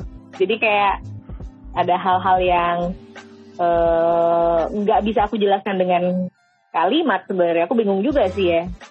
Karena banyak orang yang bilang ini nih karena aku mimpi meninggal misalnya. Itu kan ada titik trigger Ada. gitu ya orang Iya, iya. mimpi meninggal. Jadi aku udah deh langsung hijrah misalnya. Atau ada hal tertentu karena kecelakaan terus langsung hijrah. Ya, aku enggak. Aku mungkin dalam kondisi nggak tahu aja saat itu tuh. Padahal aku juga lagi lagi happy happynya sama teman-teman di eh, apa ya di lingkungan gitu di di di kantor gitu kan cuman ya mm, sambil happy sambil belajar belajar itu sih menurutku Rip. belajar sesuatu untuk supaya gimana caranya aku kenal Tuhanku kenal agamaku gitu walaupun waktu itu cuman ya udah sekedar ingin tahu ternyata masuk kan ke hati kita Hmm, gitu jadi hmm. oke uh, hati ini tidak mengkhianat tidak tidak berkhianat kok gitu karena memang yang pemilik hati ini ya yang menciptakan kan gitu. Iya. Jadinya ketika kita mencari tahu ternyata kita dituntun kok gitu. Ternyata kita dituntun kok walaupun harus ngelewatin kerikil-kerikil gitu atau batu-batu besar. Jadi ya ujung-ujungnya gitu. Suami juga kaget. Kok bisa gitu? Kok bisa gitu ya gitu-gitu. Hmm. Terus juga ada momen-momen di mana memang saat itu kondisinya kita tuh hijrah dari eh, apa ya hal yang yang ya ya bahasanya apa sih ya yang yang kurang baik lah gitu ya. Hmm, nggak usah jauh-jauh deh pekerjaan banyak deh pekerjaan-pekerjaan gitu kan ya. Baik itu pekerjaanku pekerjaan suami. Kita berharap karena udah tahu. Karena kalau udah ada kata-kata haram tuh kesannya tuh kayak udah aduh gimana nih? Ya gitu udah, kan jadi kayaknya benar.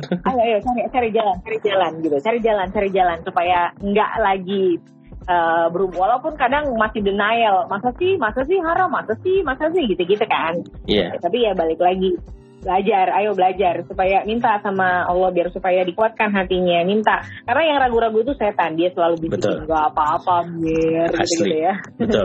Jadi Jadi, benar kak. jadi ya, lagi. Nah, jadi kemarin tuh ada cerita. Kemarin aku baru cerita banget sama em, salah satu saudaraku gitu, yang memang Hmm. waktu itu berat banget untuk memutuskan resign dari pekerjaannya karena Hmm. waktu itu dia bekerja di em, bank, di mana bank, bank konvensional eh, ya mungkin ya, aku nggak tahu juga sih. Tapi waktu itu kan problemnya kan sebelum sebelum kayaknya sebelum ada yang riba dan segala macam itu. Jadi Mm-mm. itu kan banyak banget lah yang bilang ini begitu segala macam. Nah, Hmm. itu jadi salah satu apa ya yang bikin dia susah memutuskan untuk resign atau enggak. Karena Hmm. satu sisi em, dia berkeluarga, dia punya anak gitu kan. Mau nggak mau ya harusnya menghidupi anaknya gitu kan. Kalau keluarga kecilnya, istri sama anaknya sih bisa dipahami lah gitu kan. Tapi orang tuanya ini gitu. Karena kan harus detail ya kita ngejelasin ya kan. Karena mengandung inilah itulah segala macam. Sampai pada akhirnya dia mutusin untuk ngomong, yaudah em, ini semua kan di tangan Allah. Allah yang ngasih jalan segala macam. Toh kalau resign dari sini ternyata bisa dapat yang lebih baik, kenapa enggak? Ya udah kita percayain aja sama Allah dan bener. Waktu itu dia mutusin untuk resign, dia selesaiin, dia nggak ikutin lagi dengan riba dan segala macam lagi kan berarti. Ya udah sebulan apa kayaknya nggak nyampe deh, cuma tiga mingguan gitu langsung dapat lagi yang baru gitu. Jadi memang itu tadi yang kayak kakak bilang kan omongan-omongan yang setan-setan tadi itu yang minta kita untuk bertahan segala macam. Padahal hati itu udah nggak tenang gitu. Hati itu udah kayak udah nggak sejalan lagi. Apalagi tambah informasi yang kayak gitu-gitu kan. Mau nggak mau membuat kita jadi pengen cabut gitu. Ya udah pada akhirnya dia percayakan ya udah. Dan sekarang ya lebih baik jadinya kan. Nyaman ya nyaman. Itu sih kenyamanan itu yang nggak bisa dijelaskan pakai kalimat gimana ya Betul. bilang betul. Karena itu Susah, udah susah. bentuk eh, bentuk eh, apa sih ya eh, kayak spiritualitas lah ya. Iya Cuma iya. dia ngerasakan gitu sama Tuhannya gitu dia yang ngerasain gimana sih bentuk kenyamanan walaupun kadang ya dia nyaman-nyaman aja kok kita lihat kerjanya di ber AC gitu naik mobil Hmm. bukan itu sih gimana ya bilangnya beda ada adalah Ya, satu gitu deh. satu hal yang kita sulit lah untuk ngejelasin kan eh tapi kak aku eh, sedikit throwback dikit boleh lah ya jadi kita throwback Hmm. dikit ya em, ke waktu saat di mana akhirnya kita kerja bareng. Karena kan dulu aku kan aku kayak sempat nunjukin kan kalau aku mendengarkan siaranmu gitu kan. Terus ngelihat bahkan ini ini boleh ya aku aku apa ya eh, sebutin eh, tentang kakak dikit aja ya. Jadi em, kita temenan di Facebook dan aku masih ingat sampai sekarang foto Kak Mira ya dulu banget. Mukanya ya itu satu full petak gitu mukanya dan baju hitam. Pernah gak sih? Ada ada. Masih ada tuh dan itu aduh alay.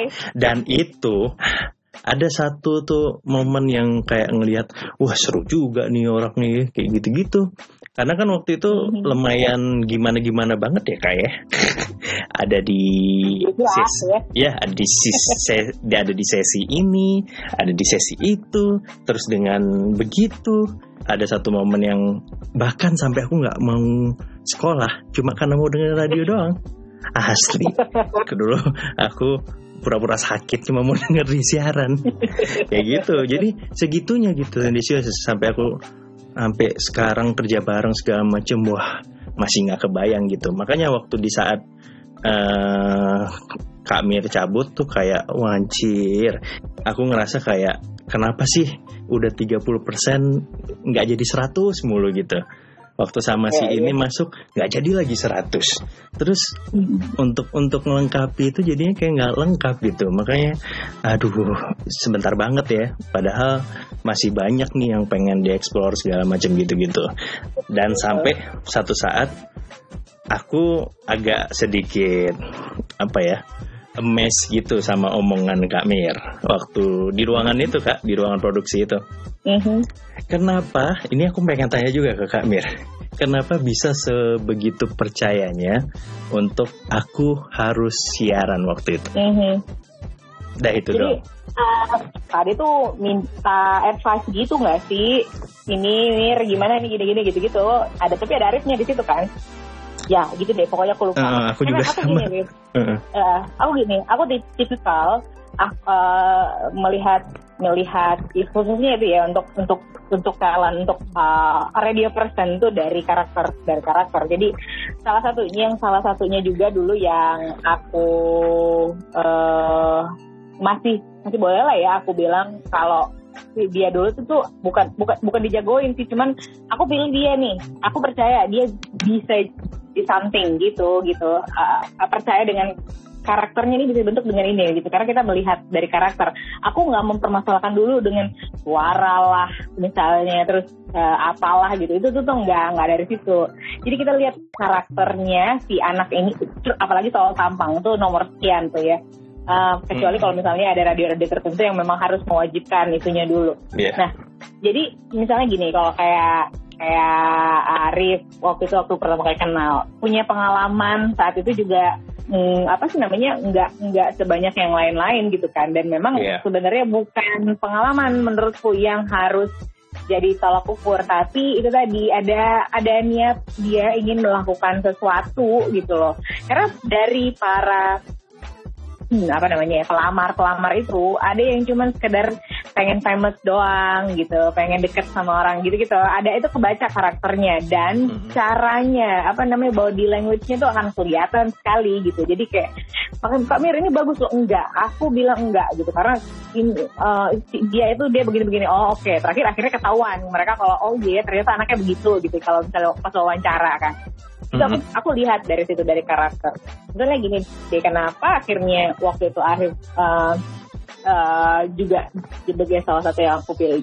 Ap- apa ya bahasanya ya? Bukan pilih sih sebenarnya. Aku ikut mau mempercayai gitu untuk ayolah gabung ber- atau bisa lah bergabung di tim ini gitu. Ya karena aku tahu punya sesuatu. Dari yang misalnya kan eh, apa pengalaman terus eh, hasil uh, sto- story di masa lalu misalnya aku percaya orang-orang pendengar radio dia paham Rif kalau dia mendengar radio beneran ya bukan karena kali dua kali terus ada lowongan dia ngelamar bukan. Kalau dia radio person tuh orang-orang yang pen- pendengar radio ya pendengar radio tuh ya berarti memang dia akan tahu habitnya radio itu. Berarti dia berarti dia punya sesuatu. Itu dulu. Karena aku pendengar radio Hmm. gila aku dengerin radio dari zaman SMP loh. Kayak orang gila dulu apa ngomong di depan kaca terus ngidup-ngidupin tape dari tape A ke tape B pakai Iya, kaset iya. dulu zaman dulu puterin lagu Britney Spears gitu terus aku ngomong-ngomong di atas lagu seolah kayak penyiar radio itu tuh kerjaan aku dari zaman SMP parah ya Iya. iya. jadi dari dari zaman itu tuh aku udah ngerasa aku radio person gitu aku aku radio person dulu karena ya seperti itu aku pendengar yang baik aku mau menikmati gimana uh, how to entertain mereka itu mereka mengentertainku itu aku menikmati. Bagaimana mereka berngobrol bercerita bagaimana cara mereka menyampaikan sesuatu mm, lagu kemudian dan lain-lain. Tuh tuh aku menikmati itu dari sejak SMP karena memang itu temannya dulu kan selain TV Betul, itu dulu betul, temannya. kalau dulu MTV belum datang karena ya mungkin masih usiaku masih sangat remaja gitu untuk masuk ke level MTV tapi waktu begitu SMA wow MTV oke okay, gitu gitu kan. Mm-mm. nah jadi dalam konteks itu tuh aku paham. Yang ada di Arif tuh adalah ya hal itu.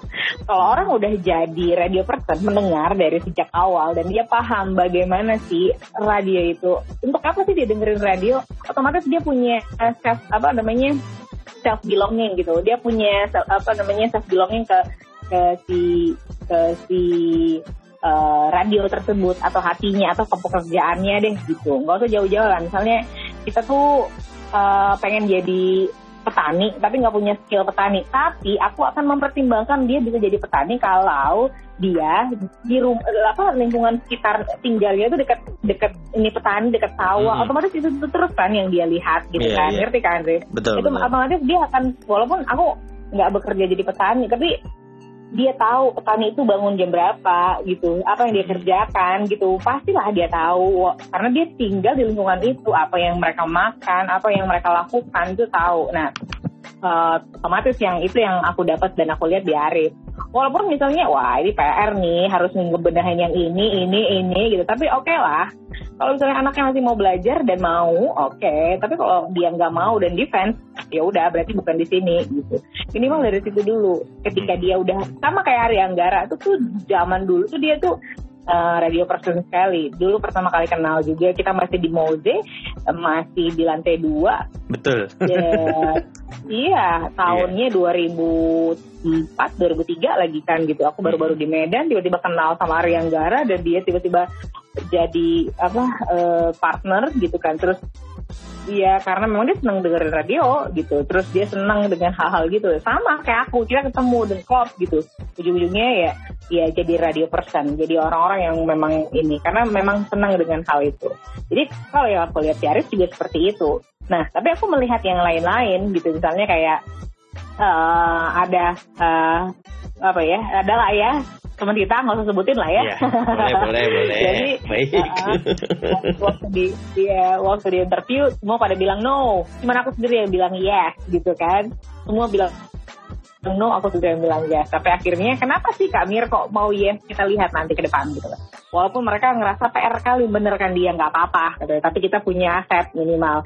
Ya syukurnya sampai hari ini dia lumayan membantu untuk untuk radio itu gitu. Jadi aku ngerasa ya aku nggak nggak salah-salah kali instingnya untuk melihat itu gitu. Jadi karena bukan hanya orang yang bisa ngomong aja kok yang di radio itu tapi orang yang punya karakter mau belajar paham tentang kondisi di lingkungannya dia itu yang paling Mhm. penting menurutku. Sama mau aja gitu bekerja sama. Eh, eh, apa eh, dengan tim terus mau aja gitu belajar. Misalnya dia bilang kok salah? Kok harus melakukan ini? Oke aku mau belajar. Nah ya itu. Aku aku mau lihat kayak yang apa yang aku lihat di Arif waktu itu tuh adalah itu karakter kan radio person itu ada gitu loh di di hatinya sih jadi aku tuh nggak merasa perlu terlalu berat untuk memoles. Oh harus begini ya kok harus begini? Enggak enggak enggak begitu karena kalau Iya. misalnya dia udah paham dengan dia punya passion ketika dia punya passion di situ ya udah kita gampang nih untuk untuk kerja bareng gitu walaupun ya mungkin kesempatan kita pendek kali ya Rip jadi Asli. belum banyak untuk Bener. iya belum banyak sekali untuk bertukar pikiran ide terus melakukan ini itu masih masih dan aku tuh masih PR kali aku tuh gimana caranya membuat anak ini bisa ngomong itu lebih bisa lebih 100 kata mungkin sekali ngomong gitu. Itu gimana tuh ceritanya tuh? Nah itu tuh, tuh PR pun juga sih dulu. Kayak gimana ya caranya buat anak ini tuh ngomong tuh dengan luwes tanpa eh, oke lah memang semua diawali dari belajar dari skrip ya. Tapi untuk lewatin skrip itu kan juga butuh proses. Tapi Yes.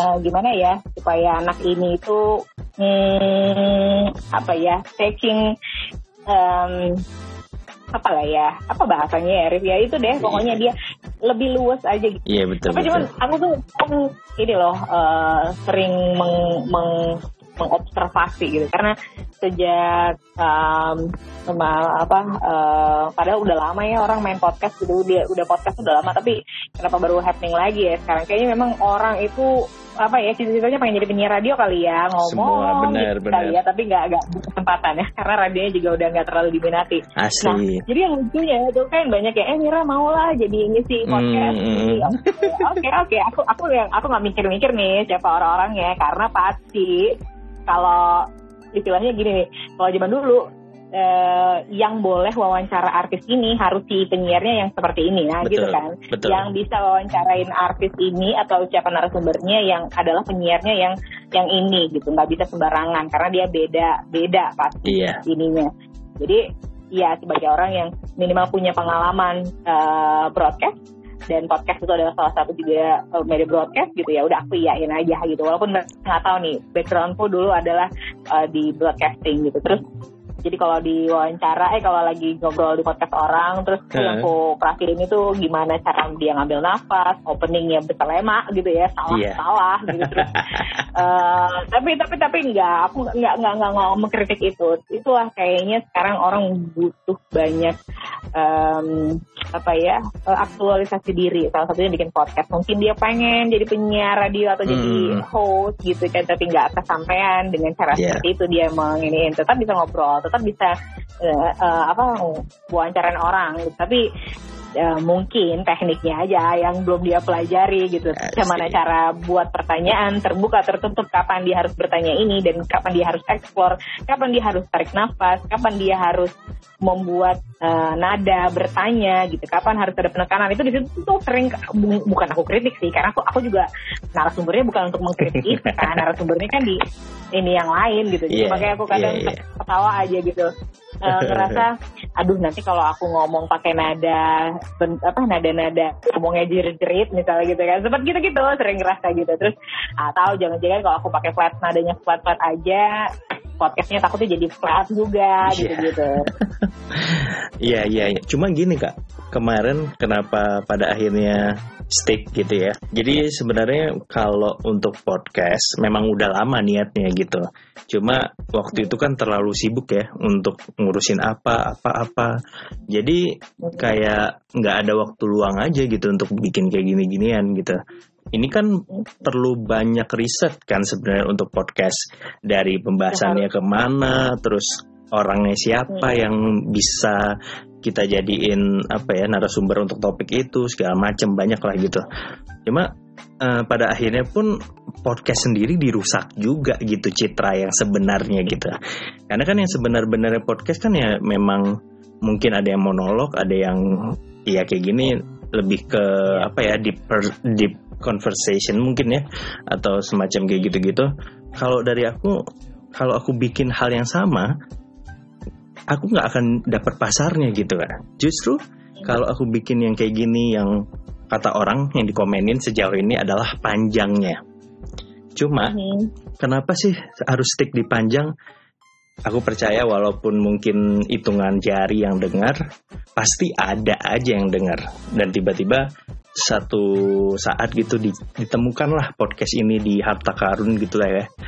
Dia terdampar gitu. Oh tiba-tiba ada podcast yang ini nih. Oh ternyata dia ceritain ini ya, itu ya. Waduh kenapa nggak dari dulu kita dengar? aku sih melihat esensinya ya Eh, kebanyakan kan eh, eh, konten iya itu nomor satu pastilah harus kita pikirkan gimana eh, message-nya sampai packaging-nya oke Iya. tapi memang ada hal lain deep deep deep deep deepernya gitu ya Hmm. bahwa gimana sih kita melatih untuk eh, diri kita sendiri untuk eh, apa namanya ya eh, bikin deep conversation itu nggak gampang loh gitu terus Iya.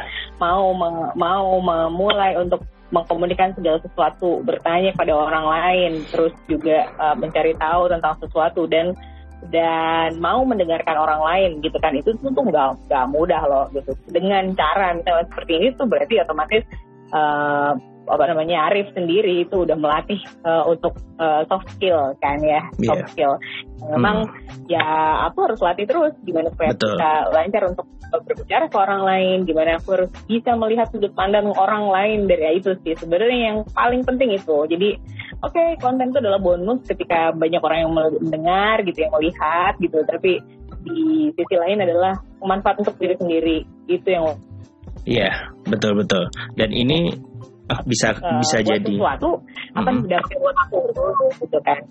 Iya, ini juga bisa jadi apa namanya uh, refleksi kita juga gitu kan. Kalau misalnya kita butuh, karena kan kita kadang suka nggak bisa cerita on point gitu kan, kayak di chat, kak aku mau cerita inilah, nggak bisa gitu. Ternyata apa namanya semuanya itu ya ini keluarnya malah di podcast ini gitu. Kayak cerita tentang inilah itulah. Jadi ternyata sudut pandangnya jadi lebih luas lagi ketika kita ngobrol gitu kan. Ketika kita apa ya bertukar pikiran itu. Kalau di chatting pasti kita nggak bakal sebegininya.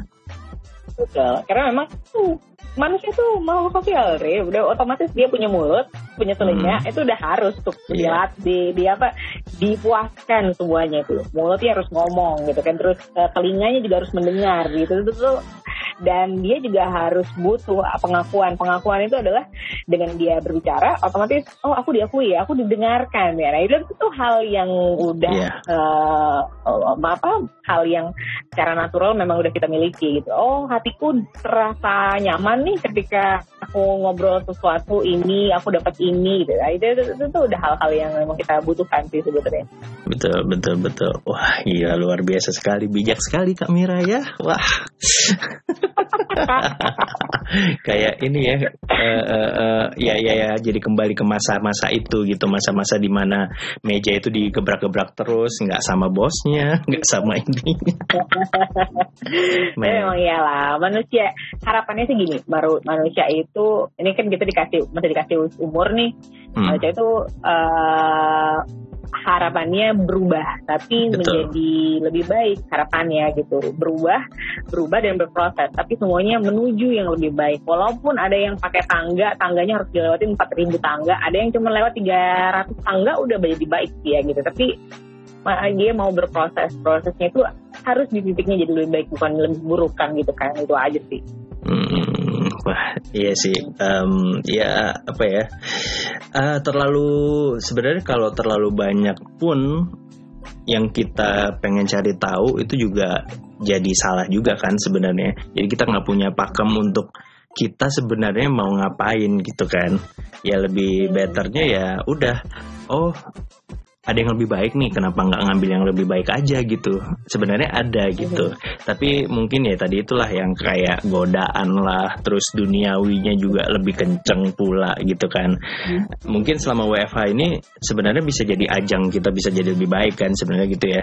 Cuma itu tadi yang namanya absen nggak bisa dibohongi yang namanya eh, apa namanya grup WhatsApp tidak bisa dibohongi kalau banyak sekali yang minta kita untuk bekerja lagi gitu.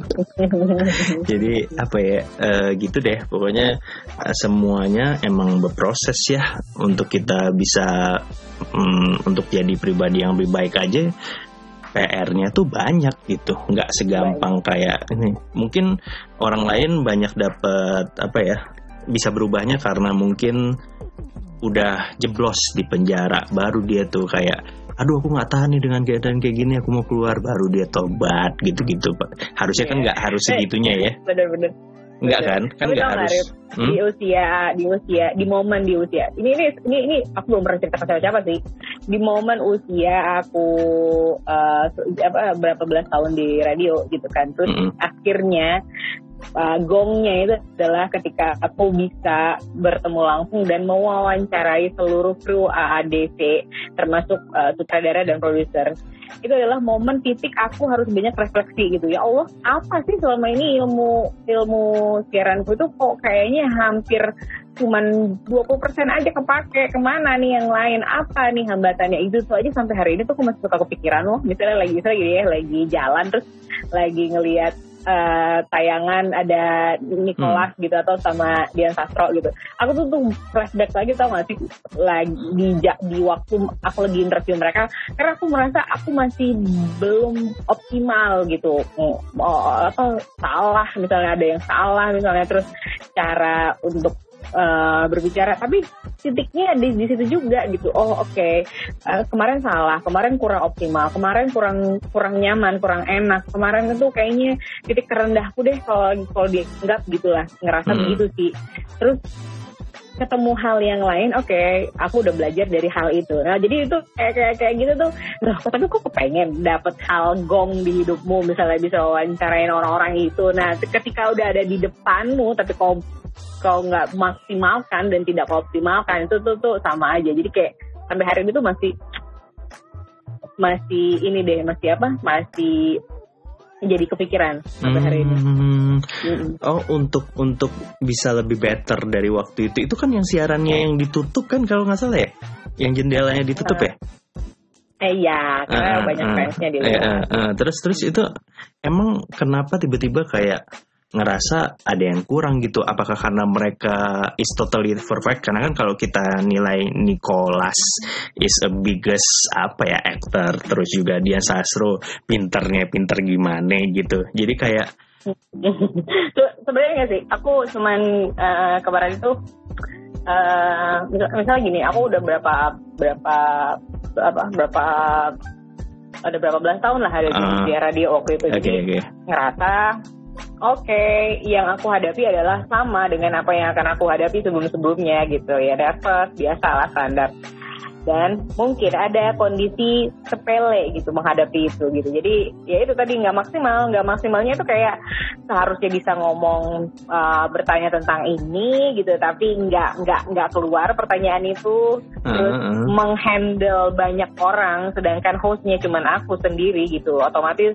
yang lain fokus ke aku itu bikin grogi luar biasa loh asli kayaknya- bener Iya, bener. dari hal-hal kayak gitulah belajar. Bukan karena mereka, bukan karena, eh, bukan karena mereka latar belakang yang beda-beda enggak. Kalau itu aku nggak ngeliatnya enggak gitu. Karena kan fokusnya mereka adalah eh, orang-orang yang ada di karakter, di karakter film gitu. Jadi bukan di situnya sih gitu. Jadi memang yang mereka fokuskan nggak ada di situ kecuali kalau tadi itu adalah talk show terbuka yang menggali mereka. Tapi ini kan enggak ya untuk film itu. Jadi eh, di situ juga aku juga udah jadi ya apa bener-bener merasakan diri. Aduh kalau bisa aku tadi ngomong yang ini biar lebih baik. Aduh kalau bisa tadi kan aku jokesnya yang ini biar supaya oke gitu. Aduh gitu-gitu. Jadi sekarang itu tuh tuh eh, apa melihatnya segala sesuatu tuh kayak gitu-gitu.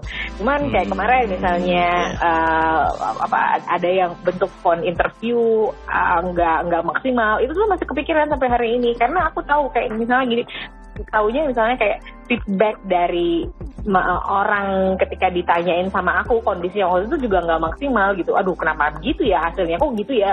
Nggak puas gitu. Iya, tapi misalnya iya. waktu ketemu artis yang lain wah kayaknya seru kali nih sampai dia ah seru ya gitu. Dia bisa sambil kayak begitu. Itu momen yang oke berarti penuh hati berarti ya gitu-gitu.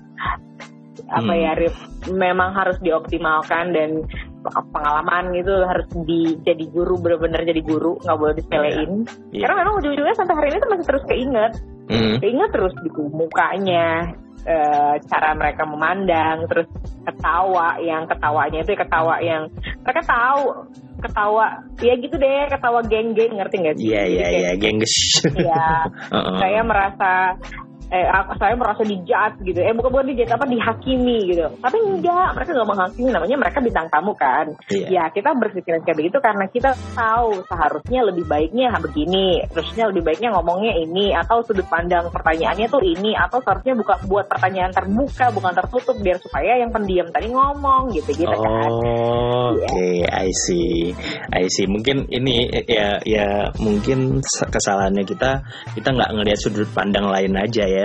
Jadi kayak terpaku Iya. pada satu hal itu. dan memang Mm, sembarangan sih nggak nggak preparation aja itu sih Iya, iya, iya, benar juga sih. Karena banyak yang kalau kalau aku ya kak, selama aku harus ketemu orang gitu ya, ngobrol sama siapa pun, yang ada di benakku selalu dari dulu harus ada satu hal yang di masa depan kalau aku dengerin itu masih make sense gitu masih bisa jadi pertimbangan oh ini better nih. Setidaknya dari sejam kita ngobrol pun ada satu hal yang wah ini emang jago banget loh di sini gitu. Bisa dapetin hal kayak gitu-gitu gitu. Karena eh, mungkin setiap apa pun gimana ya setiap orang yang kita interview di radio itu kan harus kita dapetin gongnya ya, dapetin Mhm. hatinya gitu kan supaya mungkin next dia mau interview lagi ap- bisa lebih apa ya, lebih mempercayai kita gitu. Oh next promo ke situ aja deh karena lebih seru segala macem gitu. Jadi kayak dia merasa nyaman kan.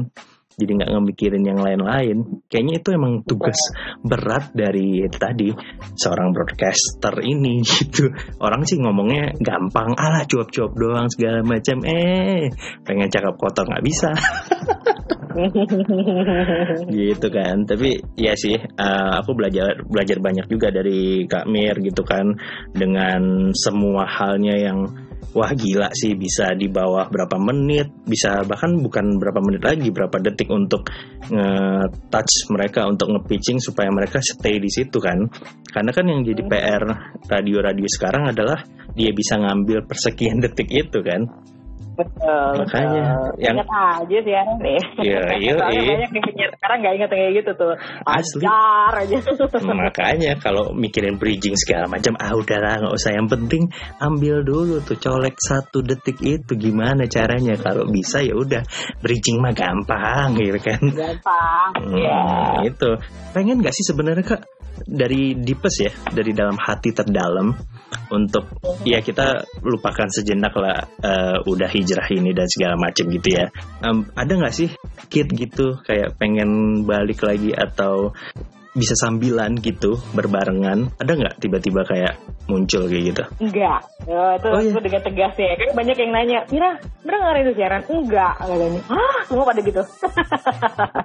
iya iya heeh, heeh, di mau luar mau siaran enggak katanya enggak gitu kok maksud mungkin aku udah ada di titik di mana eh, aku aku cinta dengan eh, petualangannya gitu petualangannya dan cara belajarnya dan banyak Oke. sekali ilmu yang aku dapat gitu banyak sekali eh, pengalaman yang aku dapat tapi nggak tahu ya Rif. mungkin dulu itu karena dibarengi dengan keinginan hawa nafsu gitu keinginannya aduh pokoknya ini deh semuanya mau dikejar karena memang keinginan terus passion Hmm. passion mengejar passion Betul. tapi kalau sekarang mungkin aku lebih main bukan mindful sih apa ya lebih lebih lebih apa ya bahasanya wise ya Eh. lebih wise untuk apa namanya milih juga Iya. gitu Iya lebih lebih ber- lebih kesa- berkesadaran gitu kayak Hmm. misalnya misal, kayak misalnya dulu impulsif belanja hmm, oh ya beli yang penting aku beli punya yang penting mix and match sama warna ini sepatu ini gitu sekarang tuh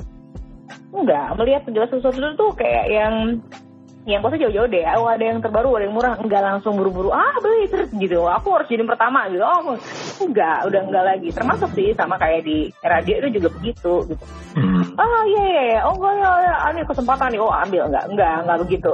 Mikirnya tuh udah lebih ke is it okay? gitu. Apakah ini memang aku butuhkan gitu. Eh, apakah ini wah banyak pertanyaannya. Hmm. apakah kau nyaman apakah ini benar apakah ini kau butuhkan apakah eh, tidak ada yang salah gitu atau ada yang ini gitu ah, itu deh bukan pertimbangan sih itu tapi pertanyaan.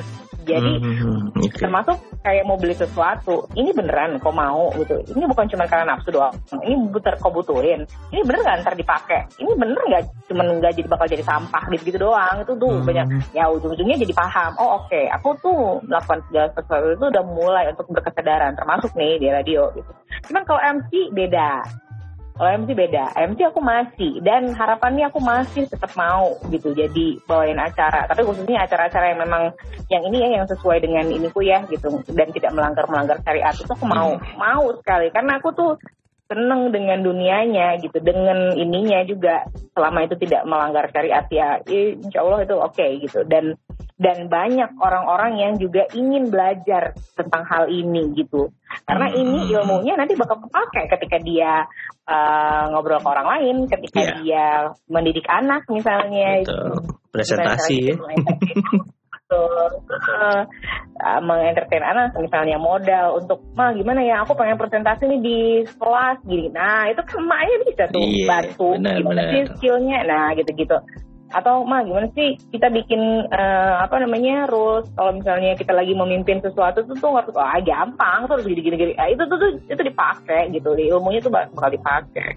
Hmm. terus kayak mm, apa ilmu-ilmu yang kayak begitu tuh tuh kita mem- apa jadi lebih percaya diri tetap percaya diri sama diri sendiri gitu terus merasa banyak banyak banyak sekali bersyukur bahwa kita tuh masih dikasih mulut untuk bisa ngomong yang baik ya khususnya Hmm. itu juga hal yang harus disyukurin karena banyak orang yang kepengen tapi nggak bisa ada Benar. orang yang ada orang yang mampu tapi juga nggak bisa gitu. Ada lagi eh mampu tapi nggak punya kesempatan. Nah itu hal-hal yang Ya, gitu itu, banyak benar. sekali aku syukurin sekarang.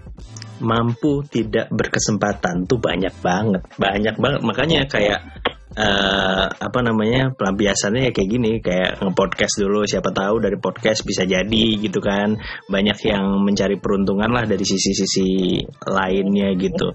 Dan aku jadi ingat satu momen yang kayaknya the first ever lah ya ngelihat Kak Mir apa tuh on mic gitu waktu di ini eventnya. Eh bukan event deh itu. Itu apa ya? Yang wedding weddingan itu apa ya? Miss Planner ya? Yang yang uh, anniversary eh apa sih itu? yang kayak yang, yang apa namanya uh, weddingan yang kayak nyari untuk kerjasama fotografer or something. Ya iya, yes. iya. Itu aku Itu. suruh Arif datang bukan? iya makanya kayak wow pengen tahu nih aku juga gitu kan kayak gimana sih? Masalah sejauh ini kan nggak pernah ngeliat kan? Pertama ngeliat ya itu untuk menaruh dalam daftar bisa bikin trigger untuk ke radio ya nggak salah gitu. Itulah kenapa aku mau mengajak Kak Mir untuk di podcast ini pun alasannya tetap sama.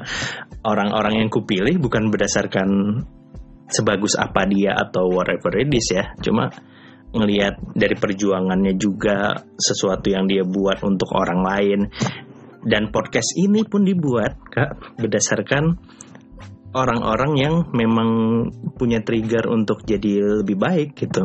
Eh, podcast ini bukan cuma sekedar ngobrol doang. Jadi kalau orang bilang ah cuma ngomong doang basa-basi ini segala macam, enggak. Punya punya sudut pandang seperti itu itu berarti bukan pendengarnya Arif. Gitu. Iya, Kalau punya aja. sudut pandang itu mereka akan terrefleksi dengan alam sih sebenarnya karena otomatis eh, ketika udah di fans duluan ya sudah gitu apa yang mau dibilang berarti mereka bukan pasarnya gitu ya Betul. udah nanti gitu jadi cari yang lain gitu berarti Mm-mm. belum ketemu atau apa gitu Iya. nggak mengatakan nih orang lagi Betul, kita pun juga sadar diri lah pembahasan kita juga terlalu mature ya kan, terlalu dewasa. Tapi kalau misalnya ngebahas tentang kita kayaknya panjang banget ya kayak bisa sampai banyak dua tahun ya. ya karena namanya hidup ya banyak aja gitu yang mau didiskusiin gitu selama bukan bentuknya ngomongin orang lain banyak aja Asli. Tapi eh, aku sih lagi itu sih mencanangkan itu, mencanangkan bahasanya. Maksudnya nggak mau terlalu apa ya? Apa sih maksudnya kalau ngomongin orang gibah segala macam oke lah boleh gibah gibah yang eh, standar standar dan ada orangnya sih masih lebih better ya. Tapi kalau gibah yang udah expert banget, waduh kayaknya it's not my things gitu. Jadi aku udah nggak di situ lagi gitu makanya ketika orang-orang mikir temen lu mulai selektif ya temennya mulai jadi segitu-segitu aja ya. Ya memang udah saatnya kali gitu. Kalau dulu betul. aku bisa ke siapa aja. Malam-malam jalan ke sini ke sana. Bisa nginep bisa apalah segala macam. Cuma Hmm. sekarang kayak jadi hmm oke mulai seleksi. Dan kita seneng gitu. Bukannya kita malah makin sakit hati atau segala macam gitu. Nggak punya temen gitu-gitu kan. Kita malah lebih lebih punya hal yang lebih baik untuk dilakukan gitu. Kita bisa sharing kayak gini. Ternyata menseleksi orang-orang itu nggak ada salahnya gitu. Apalagi Betul. Ya, gitu. karena emang harus kita seleksi loh untuk masuk ke hidup kita gitu. Jadi nggak semua muanya welcome nggak semuanya gitu. Iya, apalagi kan kita eh, berdasarkan need kan, pertemanan kan juga berdasarkan kebutuhan kan. Kayak Mhm. lagi susah baru, eh pinjam duit dong gitu. Padahal mah waktu dulu gue pinjam duit lo nggak pernah ngasih coy. ya kayak gitu-gitu. Jadi ada aja gitu berdasarkan need tadi kan. Makanya em, sekarang sih udah mulai selektif. Tapi Kamir dulu sempet kayak gitu nggak? Pernah sempet jadi akhirnya ya pasti akan selektif gitu. Cuma pernah menentukan untuk selektif nggak? Apa karena Enggak. berjalan aja gitu? Enggak, karena memang iya sih. Eh, dulu itu dan di posisi sekarang aku berpikir juga, oh iya sih aku nggak bukan tipe yang selektif, tapi memang ternyata seleksi alam itu ada gitu. Jadi memang kita akan berkumpul bersama hal-hal yang kita nyamanin, sejalan, sevisi, semisi. Jadi nggak butuh kok kuantitas, tapi kualitas gitu. Jadi Yes. itu ya Yeah, bukan yeah, yeah. bukan tolak ukur gitu loh. Dulu iya mungkin karena kan nam- namanya kita mau explore, kita mau tahu Betul. banyak kepribadian orang, kita Betul. mau punya banyak pengalaman dan kita ingin melihat banyak hal gitu. Tapi setelah itu sudah apa namanya tabungnya sudah penuh gitu ya ujung-ujungnya kita pasti akan paham dan diri ini juga pasti akan uh, ngerasa oke okay, akan seperti ini seperti ini. Jadi yeah. uh, nggak butuh lagi tuh uh, ini yang lain gitu. Butuhnya yang nyaman aja. Butuhnya yang memang ya yang yang mana nih? Yang mana nih yang bisa? Mana nih yang apa yang cocok? Yang udah gitu doang. Dan tidak memusingkan lagi. Kok aku nggak ada temennya sih? Iya, enggak. benar, mereka benar. ada kok gitu. Mereka ada kok. Tapi mungkin uh, juga punya ini yang masing-masing gitu karena nggak bisa 24 jam dong mereka gitu yeah. mereka kan orang lain juga gitu punya kehidupan juga gitu hmm. tapi bukan di situ toh nanti ujung-ujungnya kok mati sendirian juga gitu yes. gimana caranya kok bisa Betul uh, apa sih namanya ya bisa uh, tetap jadi manusia di antara manusia-manusia lain gitu. Jadi hmm. bukan jadi beringas gitu loh. Bukan jadi orang yang muna bukan munafik egois gitu ya. Kok harus tempatkan dirimu gitu ke ke siapa pun uh, circle pertemananmu atau keluargamu gitu.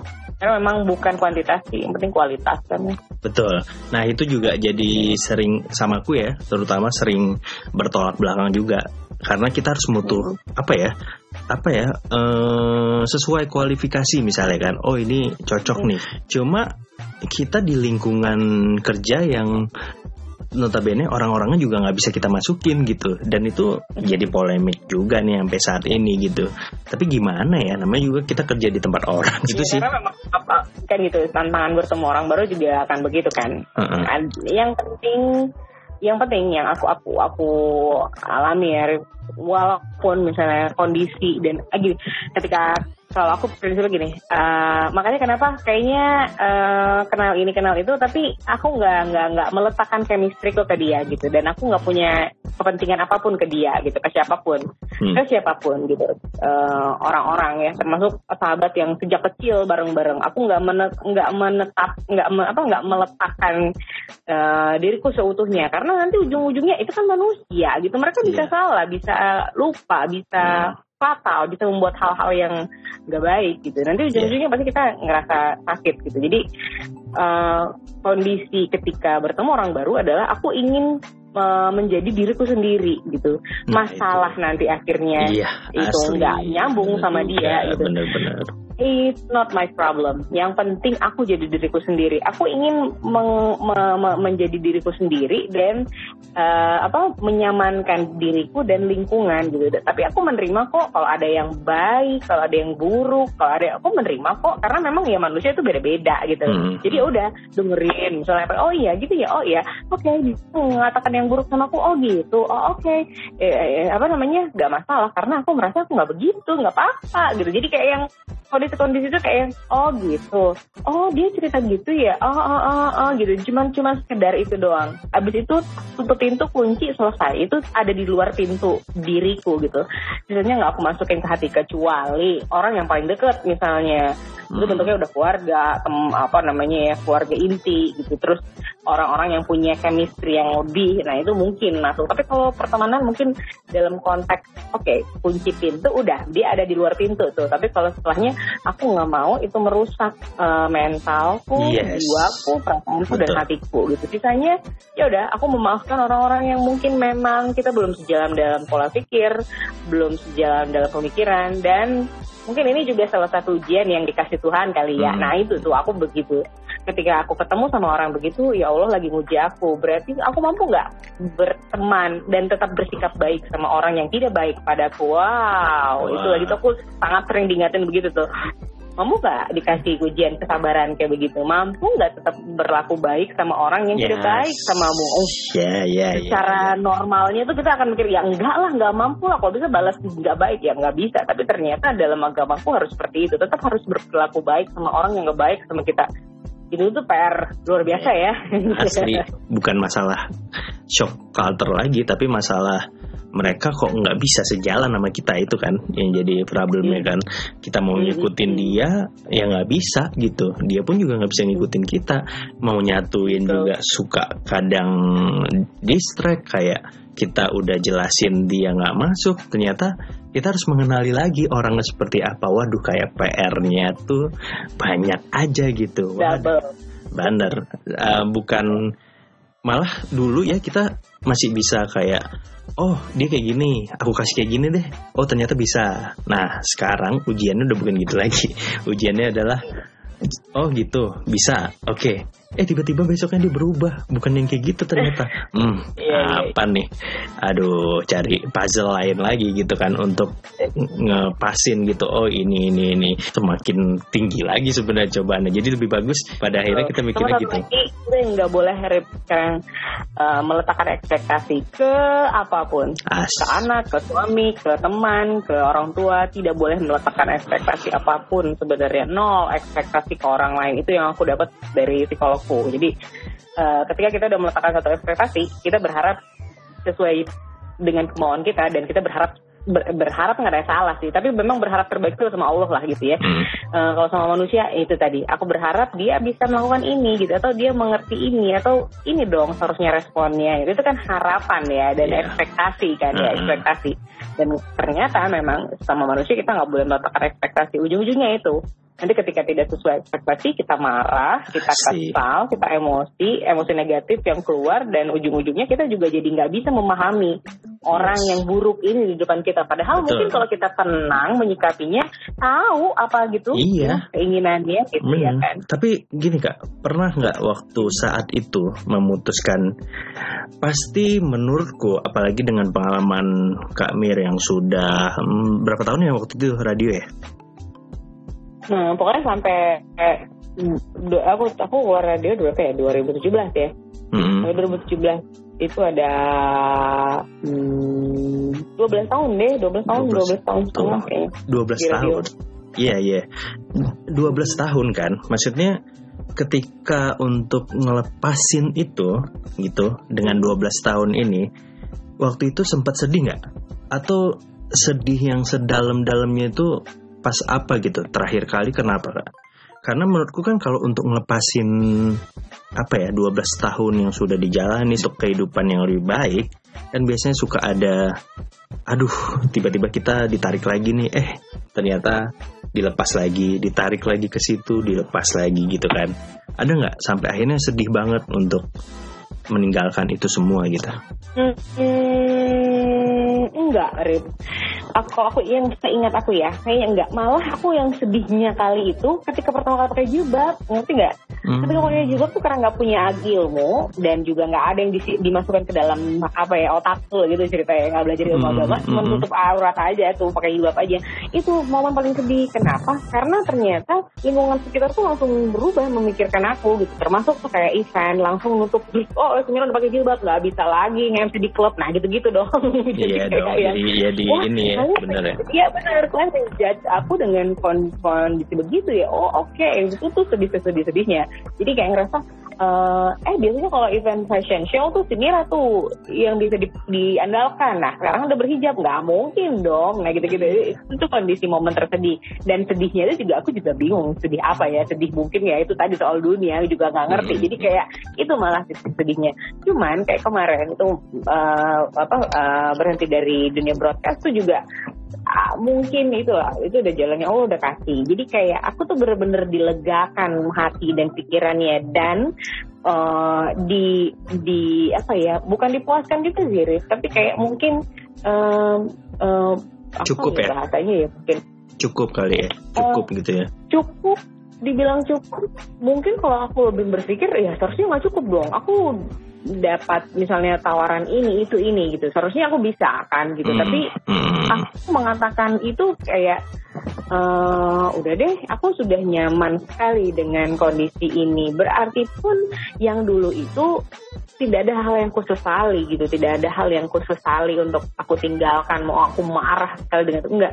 Cuman ya memang nggak bisa lagi ada di posisi itu. Nah gitu. Kita aku udah nggak bisa lagi posisi itu gitu. Jadi ya sudah ditinggalkan dalam kondisi berdamai sekali gitu. Jadi nggak ada yang merasa disakiti hatinya. Aku ya pribadi tapi nggak tahu eh, pendengar-pendengar azik Azai, jadi aja, aja, aku aja, itu sih di, di akunya gitu. Karena yang penting eh, ya udah melepas ini dalam kondisi eh, damai. Kecuali oh dulu pernah kan setelah setelah nikah aku pernah uh, minta berhenti, minta resign uh, di, di radio dulu waktu nikah karena aku berpikir katanya kalau nikah itu nggak boleh penyiar radio. Eh rupanya ada penyiar radio yang menikah hmm. gitu. Terus aku hmm. langsung yang lah boleh tuh gitu tahu gitu kok nggak usah resign gitu. Nah ujung-ujungnya di situ ada rasa haru pengen lagi pengen. Nah hmm. akhirnya kan bisa bisa masuk ke uh, company yang baru di apa radio yang baru gitu-gitu punya teman yang baru segala sistem yang baru jadi itu senang aja setelah itu gitu setelah menikah. Hmm. Cuman kayak kemarin terakhir sih enggak nih, 12 tahun itu aku ngerasa ya ampun banyak sekali ya ternyata yang sudah dilewatin, banyak sekali ya dan aku bersyukur gitu, bersyukur karena uh, dikasih banyak pelajaran hidup gitu, dikasih banyak pengalaman dan aku gak akan pernah lupa gitu. Walaupun misalnya walaupun dari dipandang dari sisi agama itu adalah uh, banyak hal-hal yang uh, bertentangan gitu, tapi memang ya harus diakui manusia nggak luput dari dosa dan uh, Allah juga kasih hidayah ke orang-orang juga itu. Nggak bisa lakukan semuanya. Jadi memang kondisi-kondisi itu tuh aku terima gitu. Jadi kayak yang ya udah ini yang aku jalanin sekarang dan uh, terus uh, apa ya tidak memusuhi malah aku ingin mendoakan ya. Gimana ya caranya nih teman-temanku yang dulu yang belum. Kita sama-sama nih aku kan kita kan pernah mainnya bareng ya di dunia-dunia hmm. kayak gitu kenapa nggak nanti waktu di surga kita main bareng gitu yeah. kita bisa ketemu bareng berarti kan aku doain nih doain supaya Allah kasih hidayah hidayah hmm. belajar akhirnya nanti ketika kita udah waktunya dipanggil bareng-bareng kita ketemu lagi main lagi gitu jadi ya itu Erip, tapi semuanya yang yeah. yang ujian, nah ujian yang dikasih kan kita nggak mungkin ceritain semuanya kalau dikasih hmm. tahu ujian nanti orang pada nggak mau hidup, pada mau mati aja pasti pasti gitu kan gitu. Iya iya. Ya bersyukurnya atas itu, jadi bukan hanya yang baik-baik, tapi dikasih ujian juga harus bersyukur. Betul, cuma orang pasti lupa gitu, pasti memang benar sih mereka akan bersyukur ketika mereka udah kena cobaan. Sakit misalnya gitu kan tiba-tiba, aduh ya Allah maafkan dosa-dosaku gitu kan. Karena nggak harus karena musibah doang terus jadi taat beragama pelan-pelan lah sembari uh, masih diperingatin gitu ya. Udah jalanin yang benar aja dulu satu-satu ntar juga mencapai finishnya gitu kan asik kalau begitu terima kasih buat Kak Mir um, terima kasih juga sudah berkarya 12 tahun di dunia kesayanganku ini. Karena apa ya? Um, banyak dong harusnya orang yang akan berterima kasih pada Kamir apalagi ditemenin mungkin lagi ngejain PR lah skripsi lah segala macem tuh kayak aduh pasti banyak aja tuh orang yang pasti bakal berterima kasih. Jadi aku akan mewakili mereka semua ya. Pasti yang mendengarkan ini juga sama. Ya aku eh aku ingat dulu di kemarin aku, aku, aku lagi di kajian. Hmm. Tapi dari, dari jauh gitu kan. Uh, uh, ada cewek pakai cadar. Siapa ya? Gitu kan. Siapa ya? Oh iya maaf kak. Terus dia buka cadar Uh, aku ini dulu pendengar setia kakak waktu di Startup. Wow, aku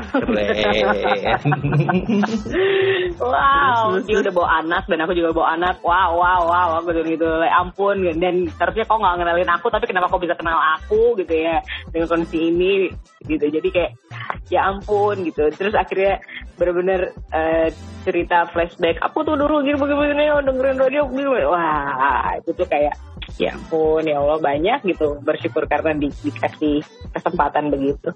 Betul betul. Itu sesuatu hal yang nggak bisa didapati sama orang lain nggak. Justru kalau yang kayak gini-gini apa ya sesuatu hal yang kayak kita nggak nyari sebenarnya. Oh ternyata ada loh yang yang benar-benar sampai segitu udah gede masih ingat gitu. Kan banyak orang yang cuma sementara doang gitu kan. Tapi ini kita sampai sampai itulah sampai ketemu di kajian buktinya gitu kan. Mungkin dari apa yang kita selama ini sebarkan ke orang-orang tanpa disadari ada satu dua hal yang bikin itu ngelekat di dia gitu.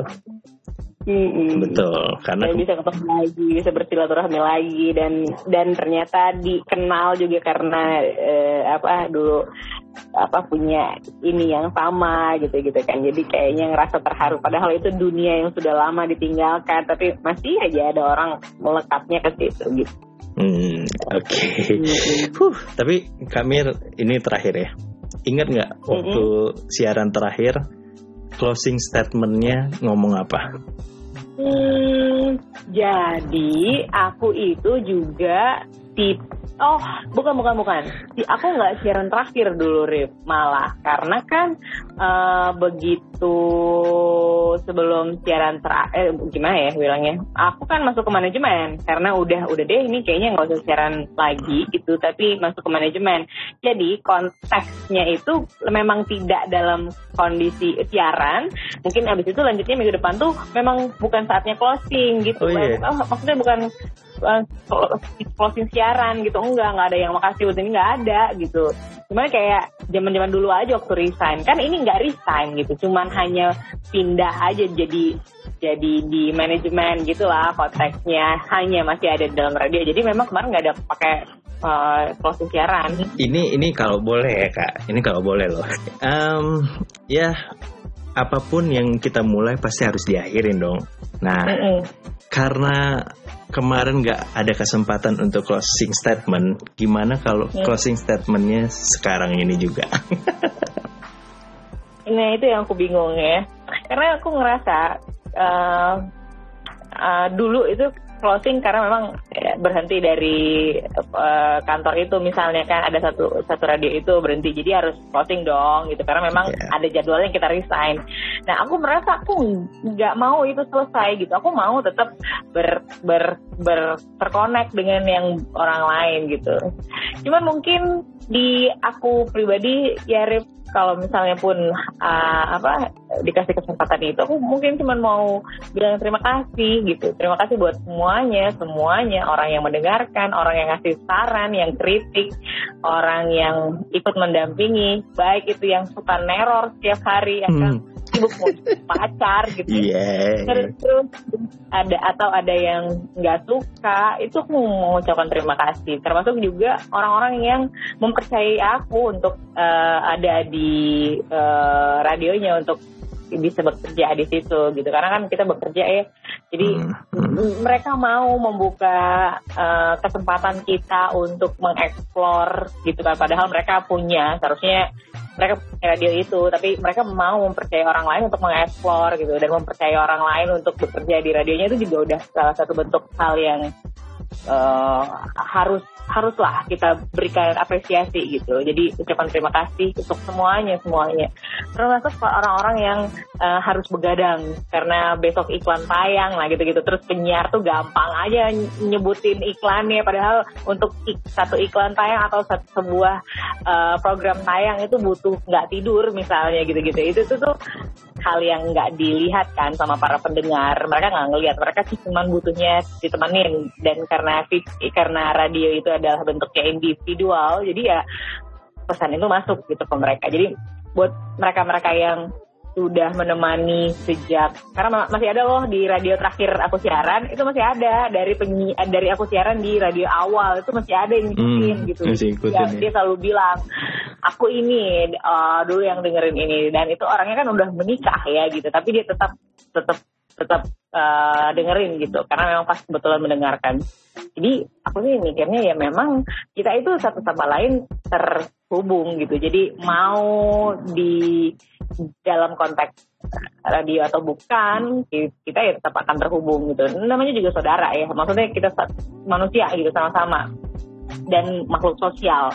Butuh butuh dengan kehidupan sosial pasti akan terhubung. Jadi walaupun nggak di udara lagi suaranya tapi masih bisa masih bisa terkoneksi satu sama lain. Pokoknya masih bisa ini deh masih bisa keep contact walaupun tidak harus ada suaranya di di udara lagi gitu Asik, waduh, closing statement resmi ya setelah, Mm-mm. setelah menyelesaikan semua. Tapi kalau misalnya disuruh cuma 15 detik, cie, 30 detik.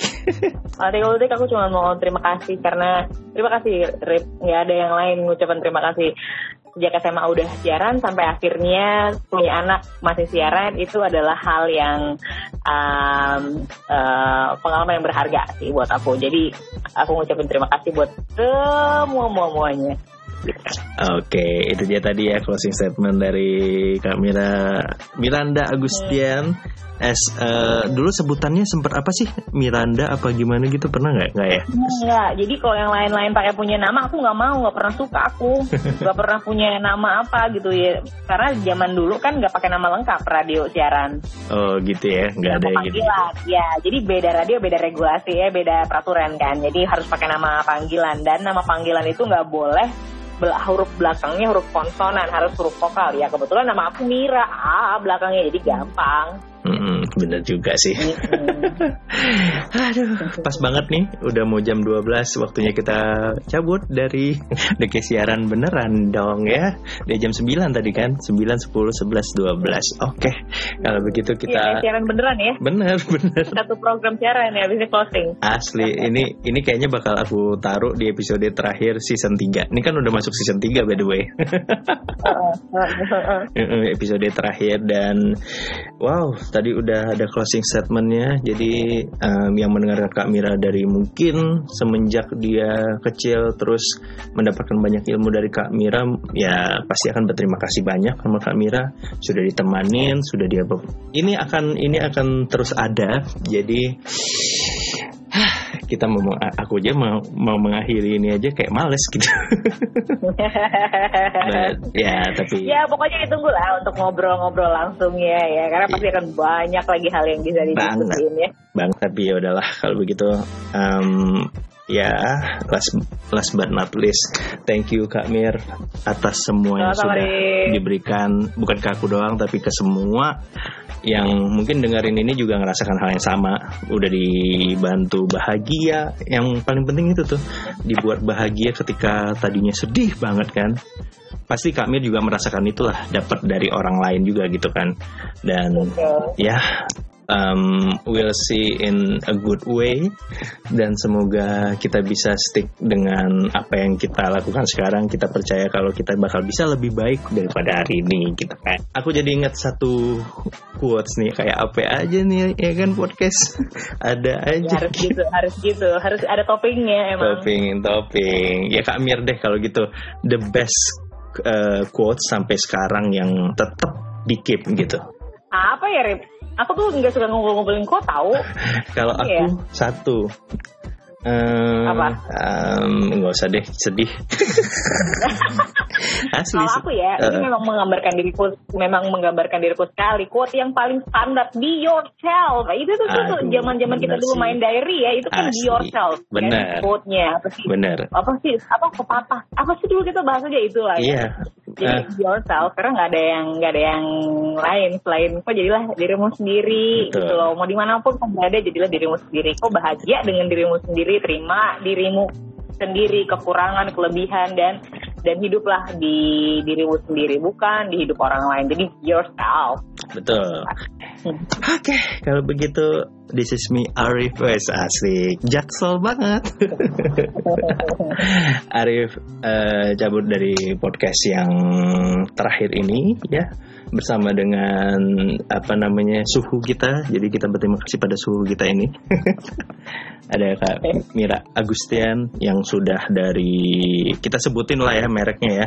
Dari apa aja sih Star ya? Star terus ke mana? Di awal dulu namanya Moze, Moze. Moze, Moze. Zaman SMA, kemudian eh, eh, masih SMA juga di Kiss FM. Kiss FM. kemudian di eh, masuk kuliah awal masuk kuliah itu di Star FM Star. kemudian sampai hmm, kurang lebih udah di Star itu udah lima tahunan ya kurang lebih lima tahun apa enam tahun aku lupa terus eh, keluar karena menikah menikah mau fokus maksudnya terus akhirnya masuk lagi ke radio baru namanya A Radio Eh radio. ini eh, Waspada ya? Eh, analisa Oh, oh analisa Iya, itu ya. iya. Oke, oke, oke. Analisa, iya itu Iya, iya. analisa punya radio. Ah, itu tuh keren banget juga tuh. Satu-satunya produksi yang aduh jempol deh, angkat jempol dari segi kualitas alat, terus apa facility dan lain-lain. Oh, itu ya diidam-idamkan sekali. Termasuk juga aku di training loh sama penyiar dari Singapura. Aduh, Waduh, itu tuh keren kesempatan yang kayak menyenangkan Luar sekali. gitu. Sampai akhirnya berbulan-bulan selalu mendengarkan radio Singapura. Jadi aku tuh sangat terinspirasi sekali dengan uh, cara mereka berkomunikasi. Ah, aduh, aku seneng deh pokoknya di masa itu. Terus akhirnya uh, melahirkan, jadi uh, harus resign lagi dan akhirnya yang nggak pernah bosan-bosan mau melamar aku dari sejak zaman aku di Sarasan itu adalah Ari Anggara. Akhirnya aku bisa masuk uh, ke MOS itu adalah tawaran yang aku tolak mungkin udah sekian berapa kali lah gitu ya udah sering sekali aku ditolak aku tolak aku nolak hmm. dia selalu nawarin satu ke situ. Dan dia iming-imingi juga dengan gaji berlipat-lipat enggak dulu gitu enggak dulu gitu ya, ya. maksudnya dia mau supaya gabung ke timnya tapi aku belum waktu itu. Nah nggak tahu kenapa akhirnya luluh karena uh, mereka punya konsep yang beda. Jadi dari konsep yang beda itu akhirnya mungkin aku luluh gitu. Jadi udah setelahnya akhirnya masuk sampai 2017 Deh. di radio. Dan di saat itu juga kita bertemu ya kan?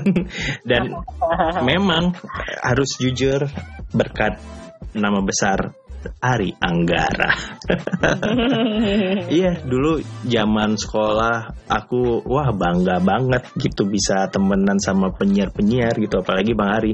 Bahkan dia uh, dulu aku pernah sepeda sama temen aku saking bangganya sama penyiar. Dulu kan dia kan uh, mozaik ya, mozaik ya kan, mozaik, mozaik gitu.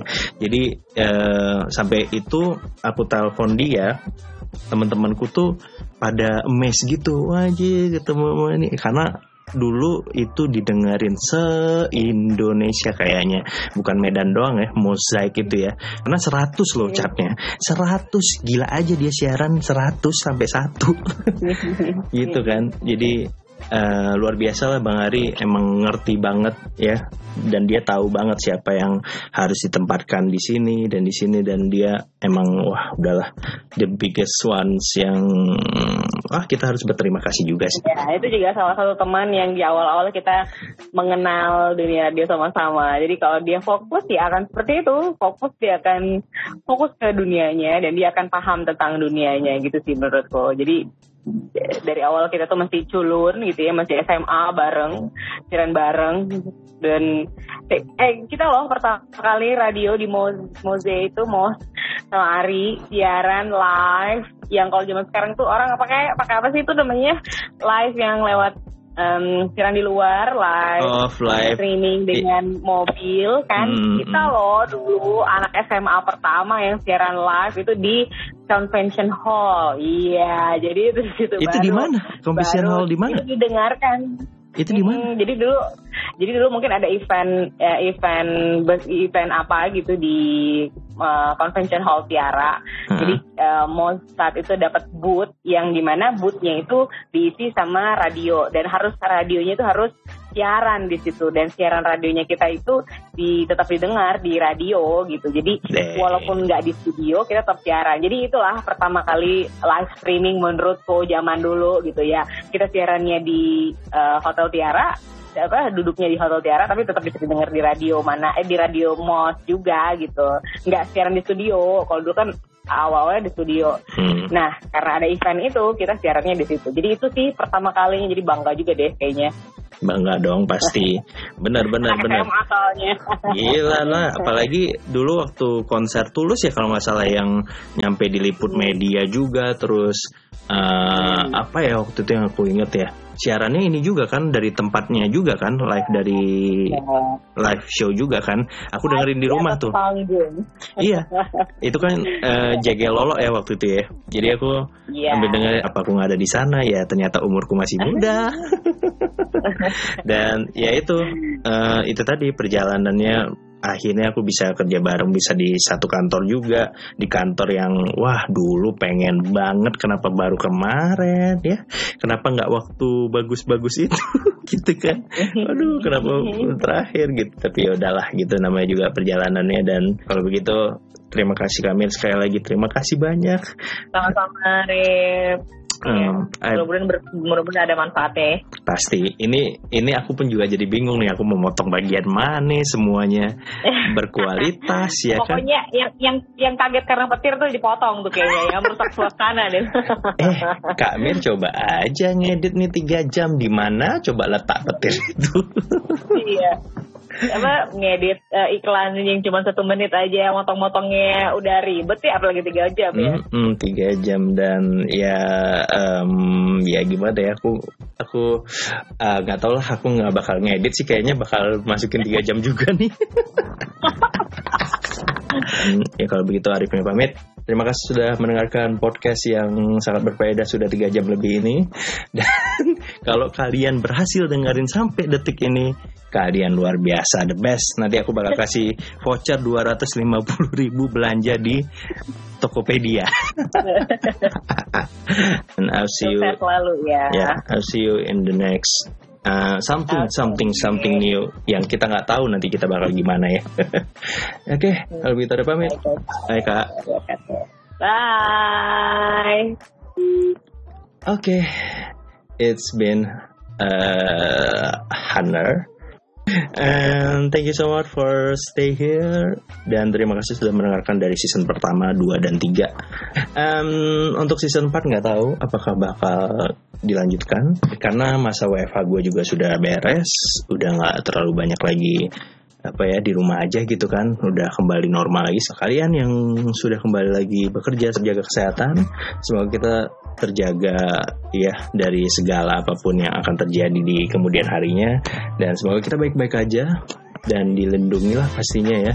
This is me Arif sign out. Thank you guys. See you bye